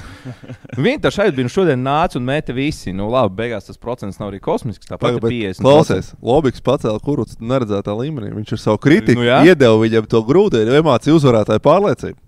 Lomiks ir īstenībā. Ja tu gribi iet šajā telpā, tur atkal ir jautājums tev, ar tur tu gribi iet šo tēmu vai negribi. Tur ir jautājums, ja ne Luk, tad es, kurš atkal būs sakārtojis Latvijas izlases spēli? Ja ne Luk, tad kurš? Es nezinu, nu, kaut kad jau viņš beigsies, tad, tad varēsim domāt par šo. Tā, nu vēl, vēl varbūt kaut kas par, par, par kopējo spēli, savu, kas ir kaut kas tāds, ko tu. Ko tu nu jā, jūs, jūs, jūs minējāt to, ka uh, katrs, kas nāk ar to savu, savu stilu, uh, kaut ko papildina, kaut ko pātrina, kaut ko izdara tādu, ko, nu, kas veido tikai to spēku. Un tas pats Arthurs arī. Nu, pirmajās, pirmās ceturtais beigās viņš uznāca arī tas pats pirmais pieskāriens, viņš ielika to trojku. tik emocionāli, tā, ka es domāju, ka viņš arī nu, varētu tajā spēlē ies, iespējams iemest tur 8-8. Un vēl ko es gribēju teikt, ko arī Rihards ieskicēja. Nu, neatceros, kad Latvijas izlases darbībās būtu bijusi kaut kāda tāda kārtība. Tieši kārtība, ka katrs džeks zina, kas ir jādara laukumā. Tā tad um, pointiņi, driblē, spēlē pikantrols, kāds iet cauri, spēlē viens viens dāvis. Uh, stāv, ja viņš netiek metiens, redz, kurš stāv 9-10 metru no groza, nenormāli pleš to laukumu, garo vēl kārā. Mums ir driving lanes, ja passing lanes, cutting lanes, ja mēs kaut kā bumbu kustās. Es, nu, godīgi sakot, es Latvijas izlases izpildījumā tik tādu mierīgu, sabalansētu spēli, pārliecināti kļūdas apstīšos. Sešas tehniskās kļūdas, jā, 40 minūtēm, astotdaļa finālā, kā tu minēji. Nu, tā ir tā pārliecība un nosvērtība. Jā, jo kļūdā, kas ir kļūdas? Kļūdas ir stresa, mandrāža rezultāts. Jā, ka tu neesi pārliecināts par savām darbībām. Nu, mums ir seši tikai tādi mums pārliecība ir kaut kādā kosmiskā līmenī. Un tieši tas, ka, tas ko tu jau iesāki. Francija, Spānija, Brazīlija, visām komandām, ja mēs uh, noliksim pretī tos klubus un indālo talantu, droši vien arī mēs zem Brazīlijiem esam. Jā. Mums ir. Bookmaker pirms spēles Brazīlija bija favorīta. Jā. Nu, mēs tāpat apspēlējam. Nu, man ir tāda sajūta, ka tagad vienalga, ko mums liekas pretī, ja mēs tieši tāpat varēsim. Tas ir tas manā skatījumā galvenais lūks nopelns. Tur viss tā kā tāds zobratiņš. Ja? Šveicis pūkstens. Viss zina, kas jādara, viss, ko pats pēc spēles mierīgi apsveic. Paldies. Jā. Kārtējs iznestais pretinieks. Viņš tur faniem papriecājas, aiziet ģērbtuvē, šito aizmirstam. Ejam tālāk, nākamā spēle vēl svarīgāk. Jā. Nu, unikāli vienkārši. Jā. I, nu, it kā liekas, baigi viegli. Viss tas, ko viņš ir izdarījis, ka vienkārši baigi viegli. Tas, kā tu minēji. Gražulis tā spēlē, nu, es varētu pakustēties, viņš paskriet arī tā varētu. Nu, tu varbūt apmēram tiešām, jā, tur ļoti tuvu, bet nav jau tik vienkārši. Tu kā kas ir tuvākais profesionālam basketbolistam, padalies uh, basketbolistam. Tu esi tuvu profesionāls, tu esi profesionāls basketbolists. Padalies, kā, cik īstenībā grūti ir šādi nospēlēt, kā, kā, ža, kā gražulis, ja, kuram ir tur nemet garām, viss precīzi, viss sanāk. Ja. Izskatās tik viegli. Nu, tas ir uh, viss komandas uh, uh, kopdarbs. Uh, tas pats uh, spacings uz laukuma, ja, ka neviens nelien vien, otram virsū. Ja, Piemēram, kad ir viens uz viens spēle, visi zina savas vietas. Piemēram, pretējā pusē ir dāvis, gražulis jau, ja iet pa galu, viņš ceļās augšā. Ja viss, viss tās, tas zīmējums ir skaidrs. Un viņam, kad uh, iedod postā, viņš skatās, ok, reku, viņš man dod labo roku. Tā ir mana spēcīgā puse, es iemetīšu. Nu, visu, un to visu floaterīšu viņam, viņš vienkārši ir gatavs. Viņš zina, ka tā piespēle atnāks. Viņš jau pirms vispār ir sācies tas uzbrukums. Viņš zina, ka viņš rekrutē savā vietā stāv, šort kornerā. Ja, viņš gaida to piespēli, viņš ir gatavs mest. Un, uh, bet, viņš vienkārši ir, kā teica, augstasinīgs. Kad ir pieejams viņam pašam brīvs metiens, viņš redz ar perifēro redzi dāvi. Viņš atdod dāvim. Atcerēsimies, ja, kur ir pilnīgi brīvs pustālu, bet tādēļ vēl lielākam šūterim, kurš, protams, pār rokām no 8 metriem iemet. Unikāli, unikāli. Disbalansā, bet jā, nu, vēl viņam... viens.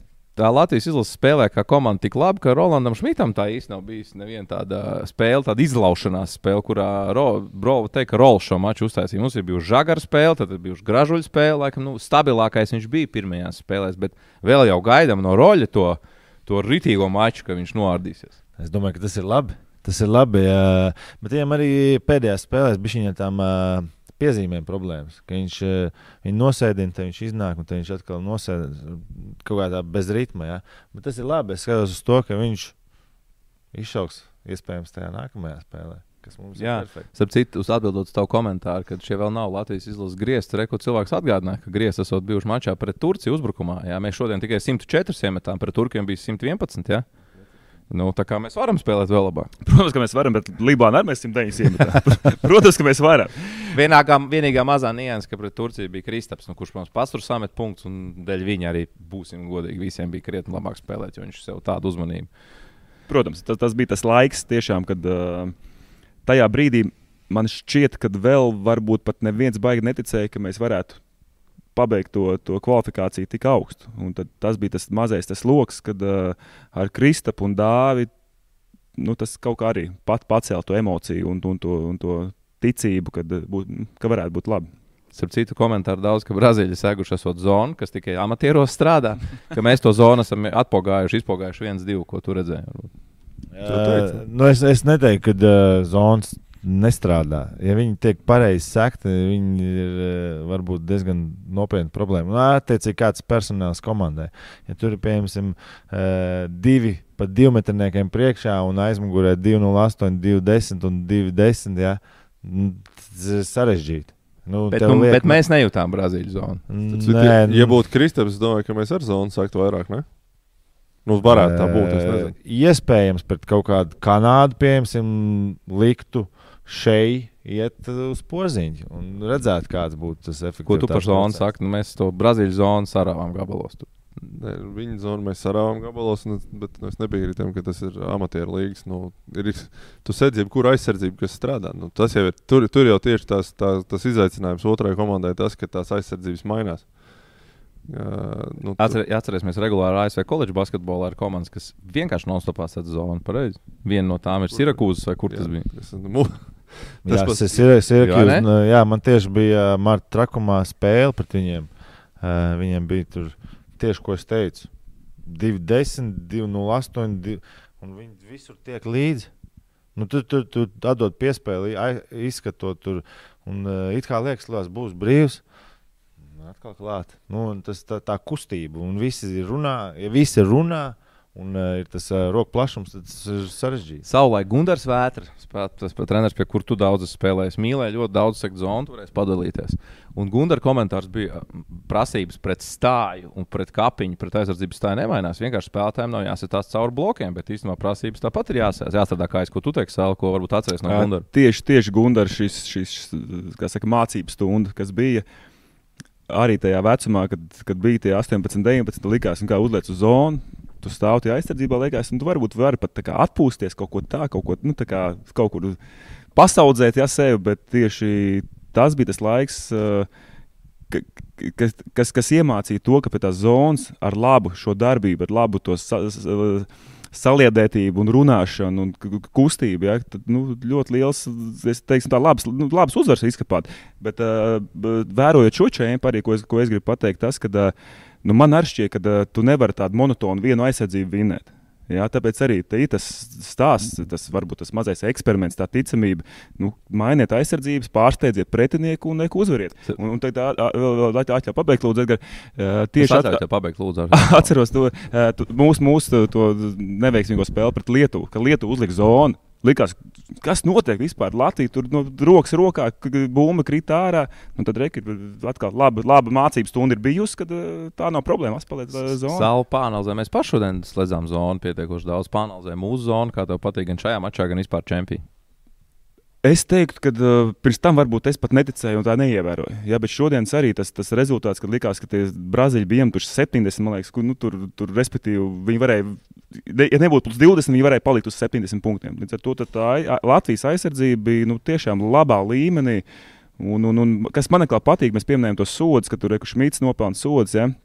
Nu, man tā liekas, ka viņi tik lielu to apjomu veids tajā aizsardzībā, nu, ka viņi tur ir kāpājās un, un kaut ko kā viņi kaut, mēģina kaut ko noturēt. Un, un, un, loģiski, ka tas prasa spēkus un arī kaut kādas piezīmes. Ja? Bet šajā brīdī tieši, tieši šie kāpātāji, kas aizsardzībā cerēs, viņi tur tāds šmits arī. Ja? Nav bijis tas rezultātīvākais, bet tas apjoms, ko viņš veic, nu, viņš ir līderis cienīgs. Jā, nu varam teikt, ka nespēlējot nu, zvaigznē Kristapam, banka ir atradusi tādu trīs uzbrucēju triumvirātu, kas ir vai, visvairāk atbilst viņa basketbola filozofijai. Rolis, uh, Andrejs un, un Rodions. Jā, nu, visi trīs tomēr primāri caur varbūt aizsardzību orientēti. Labi, Rolands pēdējā gadā ir palicis uzbrukuma līderu žālgarī, bet nu, vispār savu maizīti basketbolā un tādu savu vietu basketbola elitē vai uz saules ir atraduši caur, caur aizsardzību. Varam teikt, ka šie trīs džekari ir, kas simbolizē Lukas ba ba Bankijas spēles stilu komplektā ar interesantiem aizsargiem, talantīgiem veidotājiem. Artur. Nu, ja par to trio runā, viņiem ir vēl viens milzīgs pluss. Viņi ļoti universāli aizsardzībā. Tu tur runāji par Randolfu, kas var sekt no 1 līdz 5. Tad šie trīs arī var sekt, es domāju, nu, vairāk vai mazāk visas pozīcijas. Un, un tas uh, piedod ļoti liels uzreiz uh, iespējas uh, Lukam darboties. Un, un, uh, parasti teiktu, un arī aizsargs, ko tu pie- pieminēji, un arī gražulu, kur mēs tādu slavējam. Nu, daudz kaut kādā veidā, ne jau Lukas lēmumu, bet kaut kāds tāds liktenis ir salicis pa vietām. Nu, mēs nekad neuzzināsim alternatīvo scenāriju. Bet, nu, piemēram, būtu Kristaps. Nu, varbūt tiešām, man liekas, kad uh, Gunārs to teica, varbūt gražulu mēs pat nepamanītu, un viņš būtu kā čavars šajā turnīrā, kur mēs pieminam, nu, redz, viņš tur beigās viņš bija sabļauj, jo viņš pēdējā minūtē tur tā iz, izgāja. Un, un nekad neuzzināsim to, to īsto iznākumu, bet uh, daudziem džekiem ir bijušas iespējas parādīt sevi, atvērties un nu, pagaidām visu to izmanto vienkārši uz 110%. Puslaikā tikmēr Lietuvai plus 17 pret ASV. Tā kā tur vēl viss ir priekšā. Ko tu teiksi par šo manu teoriju, kad, kad viņam faktiski ir parādījušies tādi 4, 5, 2, 3 garie spēlētāji, kurus viņš daudz rotē. Protams, ik pa brīdim iesaistās arī Čāvis. Papildu jautājumam pielikšu klāt uh, aizsardzībā Artūrs Kurts un Kristers Zorigs. Pie tām maiņām, kā viņi tur apakšā nokāpā. Nekad pret tiem diviem džekiem, nu, kaut kādu sodu dažreiz uzsit, bet principā pret viņiem neko neiegūst garīgi. Pie tās aizsardzības. Lūk, tā tad reku tie trīs džeki. Labi mainās garie. Zorigs labi kapā, jā, pie Zorigs stričiem, jā. un, un Kurts. Jā, nu, tieši tā, un Arthurs Kurts. Tad ir tādi trīs garie, un tad vēl iznāk Dāvis, jā, kurš, kurš vienkārši ir atkal unikāls. Wunderkins, kurš skrien perimetrā, met, var iemest no jebkuras pozīcijas, iedod savu perspektīvu. Jā, es, es, es pieminēšu vēl par to pašu aizsardzību arī, kad uh, nu, atc- atceramies mēs brīdi arī šo, šobrīd, ne šo, šodienas uh, mačā, kad uh, uznāca Hue- Huertas un iedod trīs asistus, iemet tur divus. Es tajā brīdī pamanīju, ka nu, reāli viņi tā kā nu, vispār bez spiediena, bez tādas kaut kādas aktīvas aizsardzības. Viņš tur varēja darīt, ko grib. Ja, un tad otrajā puslaikā, otrajā mūsu pieminētajā reku, žāģis sāk pēkšņi presēt, nu, tā kā nespresēt, vienkārši spiedienu. Ja, tas pats Artūrs. Žagars ļoti pieprasīja. Jā, arī tieši tā. Un tajā brīdī man likās, ka viņš ne tikai tos 11 iemet. Varbūt tāpēc, ka pirmajā puslaikā Huertas uztaisīja mazliet caur Artūru. Tieši to es gribēju pateikt. Es gribu ticēt, ka nu, tu, tu, treneri to teiksim, tā, redzēja, to, to mīnus, un viņi sakārtoja šo. Un, un saka, Žagars vēlreiz tos ne tikai 11 punktus iemet, bet arī tāda aizsardzība parādīja to, ka uh, nu, reku ir ar aizsardzību varēja vinēt. Es domāju, ka aizsardzība šodien vinēja maču. Sapratu, mēs pašai sev neredzam, varbūt tehniskajā pārbaudē viss ir labi online, tikmēr varbūt Rihards iedod savu. Rihards iedod savu viedoklīti par šo mūsu tēmu. Ka tādi universāli uzbrucēji faktiski uh, un, un, taisa šo spēles plānu Lukam Bankai. Uh, Nu, noteikti. Es domāju, ka aizsardzībā tas uzreiz uh, komandām uh, viņi, viņi uzreiz var norotēt uh, kaut kādas mismačus, ja viņi norotēt ātrāk. Ja, piemēram, es vispār es jau vairāk skatos to basīt, jo mazāk ir tie smagnējie spēlētāji, ja, centri. Tie, kas bija kādreiz kā Krističs vai kāds tur tāds aptuveni. Ja. Viņiem Felicija šodien iznāca laukā, kaut ko tur iemet, bet nu, tā parasti caur viņu uzbrukumā mums gāja. Neko nejūtām vispār. Jā. Jā. Un, uh, viņi rotē, viņi fiziski viņi neļauj saņemt, uh, viņi palīdz viens otram. Varbūt šādi tad tur kaut kur ir ne tādas palīdzības, bet uh, viņi visur tiek klāt līdzi un uh, pretiniekam vienmēr ir kaut kāds uh, pretestība. Jā, un interesanti, ka mēs nezaudējam. It kā pretiniekiem visiem ir lielāks tas saucamais saize. Spāņiem ir Nāns Gomes, Francijai Gobērs, te arī, kas tur Felicio un, un, un visādi suāreši. Bet mēs nezaudējam šīs divciņas, lai arī kā esam nomināli mazāk kārtu. Man liekas, ka mēs diezgan gari esam. Mums nav varbūt tas lielais milzis viens.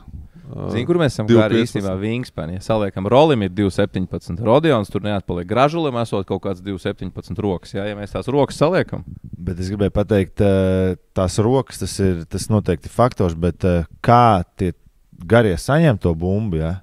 uzreiz ir rokas priekšā, uzreiz ir, uh, ir tāds teiciens, chest to chest contest. Ja? Ārpus, ārpus uh, laukuma, ja, un uzreiz no otras puses. Un, kad tu jau ej augšā, nu, tur jau uh, es pat ar savām mazajām rociņām varu nosmelt kādam garajam. Ja? Jo tu jau viņam, vairāk nav tā atletisma, ja, lai uziet augšā. Tad viena lieta ir tas, ka ir roka garums, otra lieta ir prasmes un sirds. vai ne? Mēs tā to liekam lietā. Lauvas sirds, vai kas, kā, kā, kāda Latvijas sportiem ir. Basketbolam, starp citu, nav neviena dzīvnieka vēl pielikt klāt, vai kaut kādu tur. Vilki. Vilki redzēts futbolā. Latvijas sportā nav vilki. Jā, izdomā mārketinga komandai kaut kas Ir jādomā. pieci vilki, ir tāds bāriņš uz stabils. Es teiktu, pat, pat, varbūt pat ne dzīvnieki, vienkārši mežoņi. Kaut, kaut, kaut, kaut kas tāds. Ir daudz. mežoņi. Monstrālie mežoņi. Teiktu, Par ergonautiem varam saukt. Labāk nē. Ko ar to iedod savu uh, viedokli par to, ka viena lieta ir augums, uh, rokas, un otra lieta arī aizsardzībā ir prasmes. Ir prasmes cīnīties, ielikt ķermeni, nepadoties. Tās Rodionam, Andrejam, attiecīgi, un Rolandam ir ļoti daudz. Es, es tur tajā tieši aizsardzības līnijā vēlreiz gribu pielikt tos divus džekus klāt. Jo, Mazos, kas pie jo lai tie varētu mainīties un ārā noturēt, kādam ir apakšā jānotur. Uz to brīdi, kamēr izrotē un pārnāk kāds viņu, viņu auguma džeks, nu, viņi tur viņus nevar iesp, viņus nespēj iekšā. Viņi ar tur sirdi atstāja. Jā, sir, nu, visu kaut ko viņi tur atstāja. Viņi tur uh, labi spēlē. Tā kā, tā kā jā, nu, bet, labi, ja mēs gribam iet no otras puses, vienkārši Lūk, ļoti labi redz, ko katrs džeks labāk dara. Un, un pēc tā viņš pielāgo to spēles stilu. jo Es tādu neatceros no galvas vasaras. Uh, eh, pagājušās vasaras spēles ar Lielbritāniju un, ko, un Turciju, ko mēs darījām aizsardzībā. Nu, tieši Kristap, bet var darīt, ka tur bija kaut kāds pilnīgi cits. Uh, Es domāju, ka tur bija flēcija, ka viņš ir apakšā un tēmējam, lai iet uz Kristapu un mēģina pārmest lai uzraujās uz viņa blo- blokšotiem. Starp citu, runājot par Kristēru. Uh, varbūt kaut kur es jau teicu iepriekš šajās studijās. Oskars Ernsteins, Latvijas, fizis, Latvijas izlases fiziskās sagatavotības treneris, arī VF sagatavotības treneris. Prasīja viņam, no Osijas iedod, nu, kurš ir atletiskākais džeks Latvijas izlasē. Viss, visas komponentes ņemot vērā. Jā, viena lieta, protams, ka garie var uzspiest vairāk, mazie ir ātrāki un tā tālāk, bet kurš ir tas vislabākais ņemot vērā visas lietas? Viņš tā padomāja mazliet. Nu, es teiktu, Kristers Zorigs. Spēka, ātruma, jaudas, izturības kombinācija. Kristers Zorigs ir atletiskākais džeks Latvijas izlasē. un To mēs arī redzam. Tāpēc viņš gan var apspēlēt uzbrukumā, viņš ir plastisks, svīgs, ātrs, plus viņš var arī fiziski noturēt tos garos. Viņš pēc skata tāds varbūt neizskatās, jā, tāds smalks salīdzinoši liekas, bet nu, krāpīts viņam ir. Oskar Einsteina atzinums. Es domāju, ka tā ir savā ziņā tā ieliktā bāze, ko viņš eh, Amerikā ir dabūjis. No Amerikā jau vislabākie džeki nāk ārā, ne, Rihard? Nu, Kaut kādā ziņā visi te tiecās uz uh, to gala punktu. Ja, bet, uh, Tu arī varbūt pastāst, NCA ielika baigo fizisko bāzi. noteikti es, uh, man jau, bet man jau tas laikam no paša sākuma, ka man, man bija jauda un, un es varēju lekt. Un, Un, uh, man treneris ņēma no svariem. Es varēju, Nopietni? jā, es varēju uzspiest liels svars, un es sāku uzpūsties. Uh, uh, arī ne kājas tik daudz, bet es uzpūsties tā, ka es metienu vairāk tā. Jā, nejūt. Es gāju maliņā kaut ko tur. Bet nu, tajā Amerikas koledžā ļoti, ļoti liela nopie, uz, uz, mm, mm, vērība pie, piešķirta tieši fiziskā sagatavotībā. jā. Noteikti tas ir eh, pff, numur viens. Kā tu teici, Hārdens savulaik gribēja tikai dankot pār kādam, tikai NBA viņš sāka mēst no tālās distances. Jā, jā, bet uh, viņš tā parasti to visu darbu ieguldīja. Un īstenībā uh, citi varbūt to neredzēja, bet tie, kas nāca agrāk uz zālēm, viņš pirms treniņiem bija ar to vēl vienu treneru papildus strādāja uz visādiem metieniem, visas tās lietas. Uh, un, bet par to fizisko runājot, nu, tur ir. Uh, Es pat skatoties uz amerikāņu futbolistiem, kas mums blakus tur trenējas, nu, tas ir Tie jau vispār ir pārcēlāks. šausmas. Tas ir 200 kg uz, uz krūtīm spiež, tā kā nebūtu rītdienas, tā kā tas nav svars. Paklau par Kristēru runājot, labi, viņš ielika labu fizisko bāzi Amerikā, bet, nu, redzam, tās traumas tomēr viņa atmet atpakaļ. Tad atkal tomēr VFā viņš spēja sakārtot veselību un uh, spērt šo solīti priekšu. Kas tur tika uzjautrināts šajā jautājumā? Es nereizu vienkārši domāju, kā viņš atbildētu, vai viņš ielika Amerikā fizisko bāzi vai nē. Viņš ir, jo viņam tur divas krustenes aizgāja. Un, un viņš saka, tur tie, nu, es, Nē, nu, saka, es negribu viņu vietā atbildēt, bet, uh, bet uh, ne, nu, uh, es domāju, tā. Kā, tu teici, labi, ka ir jānolaižas zemākajā punktā, lai savāktos, un kur Latvija kā komanda to darīja. Nu, tad Kristēram tās divas traumas, es domāju, arī bija milzīgs impulss. Jo es atkal no citas skatu punkta pateikšu, tādā profesionālismā, nu, Kristēram varētu nebūt arī treneris. Viņš uh, caur Ameriku, caur traumām, caur neveiksmēm, uh, caur labiem treneriem, kas viņu mācījuši, arī VF treneri, es domāju, viņi ir ļoti daudz apmācījuši. Nu, viņš principā var uh, pats trenēties, pats spēlēt, pats pa spēles plānu likt, pats pizūks savu programmu sastādīt. Nu, es nezinu visus Latvijas izlases džekus tik tuvu, bet, bet es domāju, ka viņš ir viens no labākajiem, ja ne labākais tieši šādā elementā. Un par to fizisko, nu, tas jau viss ir summā. Nu, Amerikā viņi tur ir sadzinuši lielajos svaros. Es domāju, ka, uh, kad tu nāc ar tādu bāzi, tad tieši tas uh, Oskara pieejams ar, ar ļoti niansētu pieeju, droši vien varbūt iedevis vēl kādu akcentu. Viņš ir atletiskāks, vienkārši tas, tas smagums noiet no viņš, nu, kāds viņš ir danks ik pa brīdim. Bet viņš ir atletiskākais džeks Latvijas izlasē, man nu, grūti tā uz acis no malas tam noticēt. Nu, es tieši to Man pašu Rodions saku. izstāsta atletiskāks. Oskar Einsteina komentārs. Es redzēju to vienu bildi, kur viņi kaut ko taisa ar stieņiem, jā, un Zorikam eh, ro rokas bija diezgan tur nopietnas. Vēl viena lieta, atletisks, kā tu skaties, liekas, varbūt tur lēciens vai kustības. Es prasīju visu kopumā. Izturība, spēks, ātrums, jau nu, viss kopējais, kā mēra atletiskās Piemēram, īpašības. nu, jā, varbūt ir desmit cīņi. Nu, Vieglietīgs jāizpild. Es Respektīvi, kāds ir kārta. Lai jūs saprastu, Os Oskars katram Latvijas izlases spēlētājam liek atzīmi desmit baļu sistēmā. Tad, laikam, uh, Zorikam vienīgajam ir ne, ne tev devītnieks vai astoņa pus pārējiem ir uz leju, ka viņi var vēl pielikt relatīvi pret savām spējām. Es esmu pa vēl vienu citu lietu. Vitāliju Broško. Un uh, Osakas, tas es pilnīgi tur nes, nesakrīt. Es vienkārši atceros, tie, kas klausīja Itālijā, tie viņš visas tās atzīmes un testi kaut kā baigi tev straujāk progresēja. Tie, kas tur sp- spurojās pretī, tie tur progresa nebija redzams. Varbūt Osim arī savs tā. Šis pats audzēknis, viņam desmitnieki, Nu, viņš, ir labākais. Ok, piektais, ka Kristers parāda to, ka viņš fiziski var nospēlēt Protams, tā tur postā un caurgājienos. Un starp citu, šie floaterīši pāri rokām. Tas arī ir atletismu rādītājs. Man patīk džekiem, kas spēlē uzprasīt par citiem džekiem. Uh, Ok. Es, uh, žagaram par Kristēnu un Kristēnam par žagaru prasīju. Nu, ko tas ir? Nu, padalies. Iedod atbildības. Un, Cik tālu tu eh, vari iet, protams. Tas no pagājušās vasaras, bet žagars teica, es, nu, kā ar Zoriku. tev- Bet tā no malas neizstāsta, bet viņš aizsardzībā baigi labais. Vienīgais, kas man nosaka, kaut cik var vismaz. Nu, o, lūk, tāpēc arī Kristers parāda, kā viņš var nosakt. Un Ko, ko Kristers pārtūr? Nē, es sen prasīju. Nē, tas nekā nav. Zinot, Kristers vai ne? Nē, tas nekā nav. Nu, viņš neiet, nu, viņš tā baigi nestraucās pa apkārtējo pasauli. Viņš pa sevi vairāk satraucās. Te viens jautājums tāds uh, no Edgara. Jautājums, vai ar porziņu mūsu aizsardzība nekļūtu mazāk mobilāka un mums šādu uzvaru nebūtu. Nevēlt pasačnieks neiet laukumā. Lūk, arī šāds jautājums. Bet varbūt tu iesāki jau tu pabeidz, ka mēs mazliet savādāk spēlētu ar, Krist ar Kristapa aizsardzībā. Es domāju, ka mēs varbūt savādāk spēlētu, bet uh, es neticu, ka uh, ar Kristapu mēs nebūtu spēcīgāki.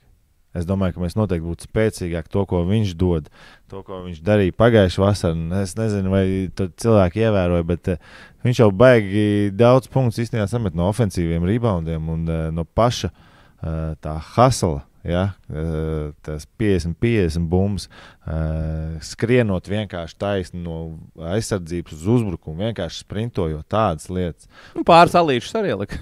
Nu, tu, tad, tas atkal ir tā skriešana, pareizi. Ir. Ja tu apskrien savējos pretinieku, tad tu to dabū. Uh, nebija tā, ka viņš tur kaut ko baigu uz sevīm ņemtos. Uh, Viņam vienkārši tās sanācās izspēles un savas ko, lietas, ko viņš izdarīja. Un aizsardzībā viņš bija monstruāls.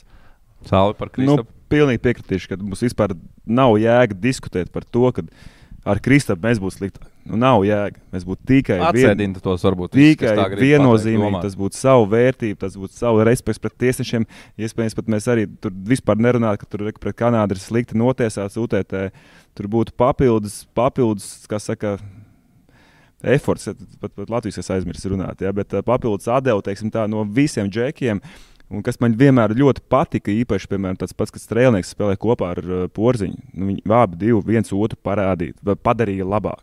Tāpēc arī es Jūtu domāju, laukumā viens Jā, un ar šobrīd, šobrīd kā, es to, kā es to redzu, ok, piekrītu. Tas, tas, tas, tas, pats Gunārs teica, ka tur iespējams pāriem būtu, nu, nevis pāriem, bet tur ciestu minūtes, teiksim, tā tur gražūs. Jā, bet, Bet pārējie mazie, īpaši Žāgars, Zorigs, nu, nu, viņiem tas būtu atkal savs kaivs. Protams. Savs kaivs, un katra spēle tur būtu tas divi, trīs alīši, tur brīvi popi un izlecieni un brīvi metieni. Un, nu, nevar, nevar vispār būt diskusija par to, gan- ka Latvija būtu vājāka. Kaut kādā šāda formātā, pieņemsim, ja treneris ir šahists un tur tā kauliņa, nu, ko dāmas mums ir noņemta. Bet, uh, re, kur mēs bez dāmas mācām, Jā, tā varētu teikt, mēs esam dāma devuši. Jā. Tur laiņi, la- laiņi torņi Izrādās- un zirdziņi laiž uz nebēr. Izrādās, laiņas tagad taisnība, un torņi arī. Bet zini, kā ir, uh, Mūsējie. Mēs tam mazliet čītojam. Par pe- kā, kā pēška Latvijas sauc? Ja pēška iet, Bandinieks. ja bandinieks iet galā, viņš pa dāmu pārvēršas. Mēs tur dažus bandinieks jau esam aizmirsuši. bandinieks ir Grāžos aizšodien. šodien iegāja dāmām. Bandinieks ir dāmas, gražulis ir iegājis dāmas. Tāpēc, ap citu, Amerika pietuvojas līdz mīnus 8, kā mēs komentējam. Es ko gribēju vēl piebilst par to. Tā kaut kā sanācis, ir skatoties pēdējās Latvijas izlases spēles un tās rotācijas, ka nespēlējot, izkrītot Dairim, uh, arī Andrzejam faktiski, laikam viņam ahilējas problēma ir jau vai kas. Paliekam desmit veselu cilvēku sastāvā un ļoti minimāli spēlē Klaus Čavars. Tad, tad ir tad 8, 9, 9 spēlētāju rotācija, kas priekš labākajiem mačiem, laikam, ir priekš tādiem ciešiem, stipriem, stingriem mačiem, ir labākā rotācija. Nevēl arī NBA, kur ir 15 spēlētāji pieejami, visos top mačos spēlē faktiski 8, 9 veči. Nu, Varam teikt, ka laime nelaimē tā rotācija pati ir sa- sašaurinājusies. Luka banka ir sadalījis tās lomas un minūtes. Un nav, nav, nav kaut kas tur jāfantazē. Jā, ir, ir, ir, ir tie spēlētāji, kas pieejami un baigi labi izrotējami. Ko tu teiksi? Es domāju, ka tas ir optimāls tas, uh, skaits, spēlētāju skaits. Un uh, visi spēlētāji, dodoties spēlē, viņi zina, ka viņi tiks tajā laukumā. Viņiem ir jābūt gataviem. Viņi Neviens nevar lomas, vai ne? atslēgties. Savas Nevien, lomas. jā, savas lomas, un neviens nevar atslēgties. un Viņiem visiem jābūt gataviem. Un ir milzīga nespriedze, bet uh, viņiem jāizdara tas, kas viņiem jāizdara. Kas ir uh, aizsardzībā, tas ir uh, aizsardzībā. Um, tas galvenais, kas ir uzbrukumā, tas uzbrukumā, kam jāvāc bumbas, kas ta- tas jāvāc bumbas. Visi, visiem ir savs lomas uh, zināms, un viņiem vienkārši tas ir jāizdara. Viņi nevar atslābt. Tas jau tas nu, Lukas Powers ir.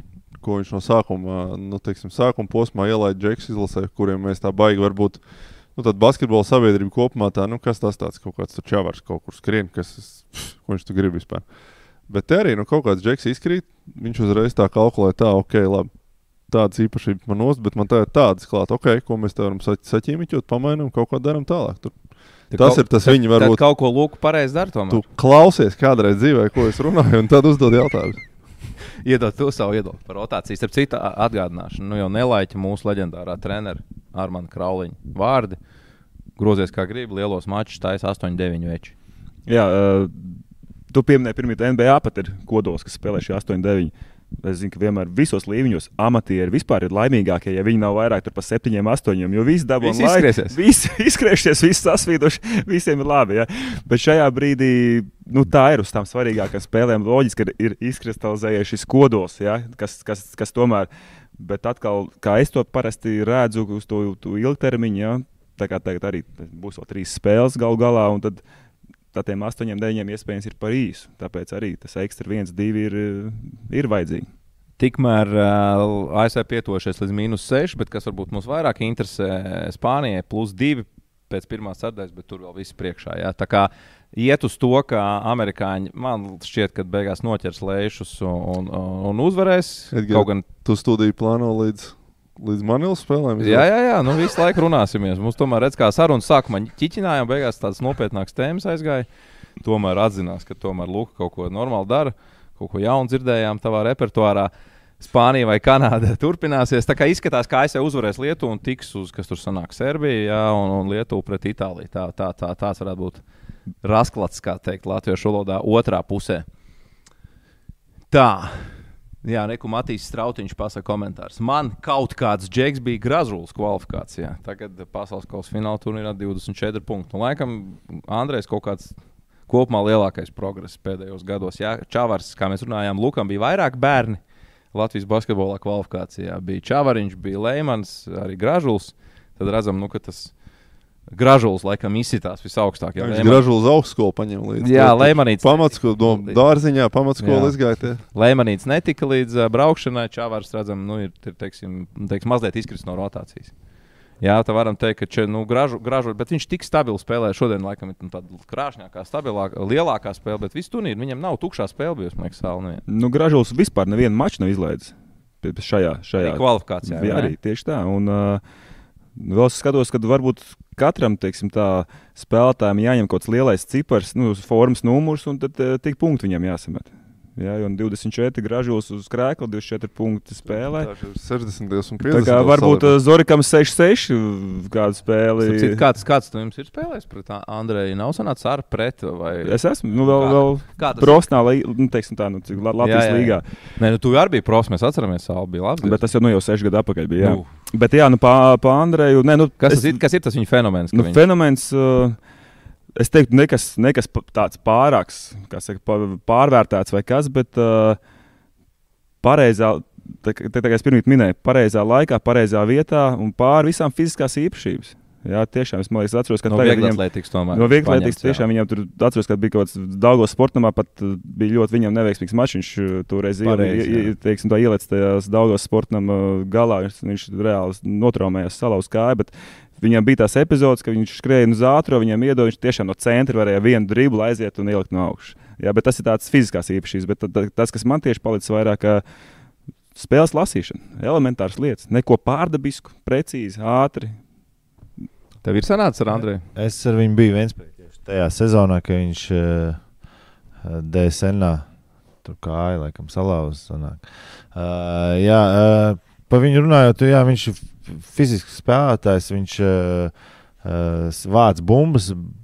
Spēcīgā roka ir labā, ja es piemēram, bet tagad jau viņš ir citā līmenī, tajā IQ ziņā. Viņš spēlējot ārpus Latvijas, viņš domāju, viņš ir noteikti daudz labāks kļūst tajā visā ziņā.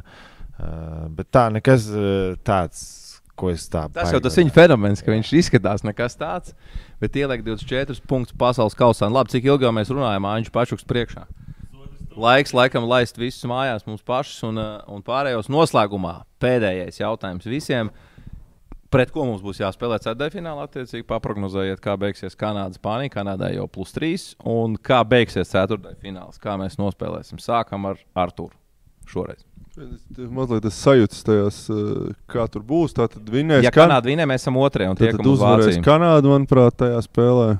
Un mēs tiekam uz Vāciju. Tiekam uz Vāciju, kas, nu, laikam labāk būtu Slovenija. Es vienkārši domāju, nu, ļoti divas spēcīgas komandas, bet ko Slovēņi man patīk labāk. Nu, Mazliet. jā, Bet, nu, lielas atšķirības nav, ja godīgi. Nu, Un tad, tu, kā sakā, mums ir pret Vāciju veiksies. Iedod savu, ko mums jādara, kas, kas, kas mums ir jāizdara, lai mēs tiktu. es, es teiktu, ka es neesmu par to domājis. Nu, es tev varu pat tās virspusējās frāzes pateikt. Nu, ja mēs, ā, Paspēlē savu spēli. Nu, Palielam jau, jā, nu tur nekā. Es nezinu, nu, Vācijai, man liekas, ka Vācijas mīnus ir uh, gan plus, gan mīnus ir Šroders. Kaut kādā veidā, ja tu vari viņu ies, iesist vai dabūt to, lai viņš sāk spēlēt ļoti individuālu spēli, tad, tad viņa spēle var, tad tas, tā spēle var aiziet arī ļoti negatīvi viņam. Var arī tur viņš 40. dienā iemest, bet viņš tāds emocionāls. džeks. Paskatoties internetā, highlight noteikti var redzēt, kāda asuma starp Šrēderu un Vācijas izlases galveno treneru, kurš centās izjaukt uh, spēlētāju strīdēšanos, un Šrēders runāja pretī. Nu, Teiksim, Latvijas ilzē mēs neko tādu neredzēsim, ka kāds spēlētājs atļautos atbildēt bankai ar asu pretreakciju. Tā kā tā ir. Tur es piekrītu, ka Šrēders var saindēt šo komandu. Salvi. Uh, viņš var, bet uh, es, es arī laikam tomēr redzu to tā, ka, uh, ja mums nāksies spēlēt pret Vāciju, tad uh, man liktos, ka tieši lai tas Šroders ielai to 40.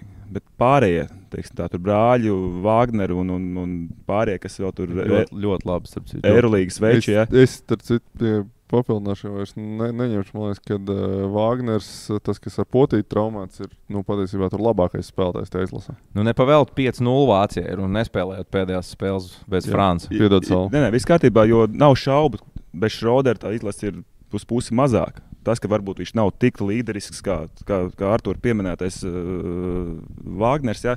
Bet viņ- viņ... otrādi viņš tieši ir izteiktākais Vācijas līderis, kurš, kurš var, emocionāli var pavilkt komandu. Bet viņi, viņam ir, ir tā toksiskā daļa, var, jā, Jā, jā tā, tas, ko viņš grib pateikt, jā, kad uh, viņam tiešām ir tā loma. Un, Un te pēdējā gada arī parāda, ka nu, viņš vienmēr arī tiecās un, un raujās, un pilnīgā cit, pilnīgi citā kvalitātē ir spēlējot Vācijas izlases krēklā. Ja.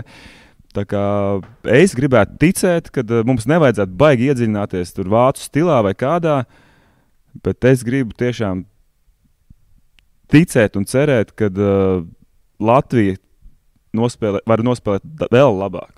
Un šajā brīdī man tiešām liekas, ka mēs varam vinēt jebkuru no pretinieka. Sky is the limit. Richard, kā beigsies Francija, Kanāda, vispār Spānija, Kanāda vispirms un Es domāju, ka ceturtdaļfināls. Kanāda vinnēs un ceturdaļfināls būs pret Vāciju. un Man patīk tas matčups. Godīgi pateikšu, man patīk. Uh, uh, lai cik arī viņš labs būtu Šroders tajā uzbrukumā, aizsardzībā, es redzu ļoti smukus pikiem popus, kur dāvāts var mest viņiem pāri jebkurā brīdī. Nu, vienīgi Vācija ir tas brīdī? saiz, ko likt Un uh, žagars var slidināt viņu garos arī. Ļoti bieži. Ja? Un, uh, man patīk, un es arī, jūs runājat par mēs Slovenijā, esam parādā. Mēs arī Vācijā kaut ko esam parādā, kad bija kas tur mīnus 8, mīnus 9. O! Devītais gads. Uh, Tur- tā kā un viņi ir 5-0, un viņiem vajag maziņu, kā saka, uh, laicīgu apsēšanos. Un es ticu, ka mēs varam, es neprognozēšu neko, bet es ticu, ka mēs varam ar šiem džekiem, kas tagad ir, kas ir neatlaidīgi. Mēs esam bijuši pret Franciju mīnusos, pret uh, Spāniju mīnusos, un uh, mēs atsitamies un mēs tiekam apakaļ tajā spēlē caur caur uh, vienkārši caur nažiem, ja, un uh, tiekam tajā spēlē apakaļ, iemetam svarīgos metienus, apstādinām svarīgos brīžos, un, un, un es ticu, ka kaut kas um, speciāli ja, būs priekš mūsu valsts, Latvijas. Ja. Jā, nu šis turnīrs tāds ir. Pirmkārt, gar mums nevar salauzt, papildinot jūs minus 10 pret Franciju, minus 12 pret Spāniju. Nu, Nekad neticētu, ka mēs to varam izdarīt. Varam. Garu mums nevar salauzt. Otrā lieta, šķiet, ka viņa augšā arī rakstīts, ka mums šis ir mūsu gads. Hoķīts, basīts. Atcerēsimies pret Franciju. Tur Viņš pavēl iemet tipinu, Furnī aizmet garām pie plus 3 pret Spāniju. Mums kī momentiņos viss notiek, tā kā mums jānotiek pret Brazīliju. Tur nebija variantu. Tā kā, bet es prognozēju uz otru pusi, saka, Spānija vinnēs Kanādu un mēs pret Luku, pret no, Sloveniju un uh, salaužam Luku.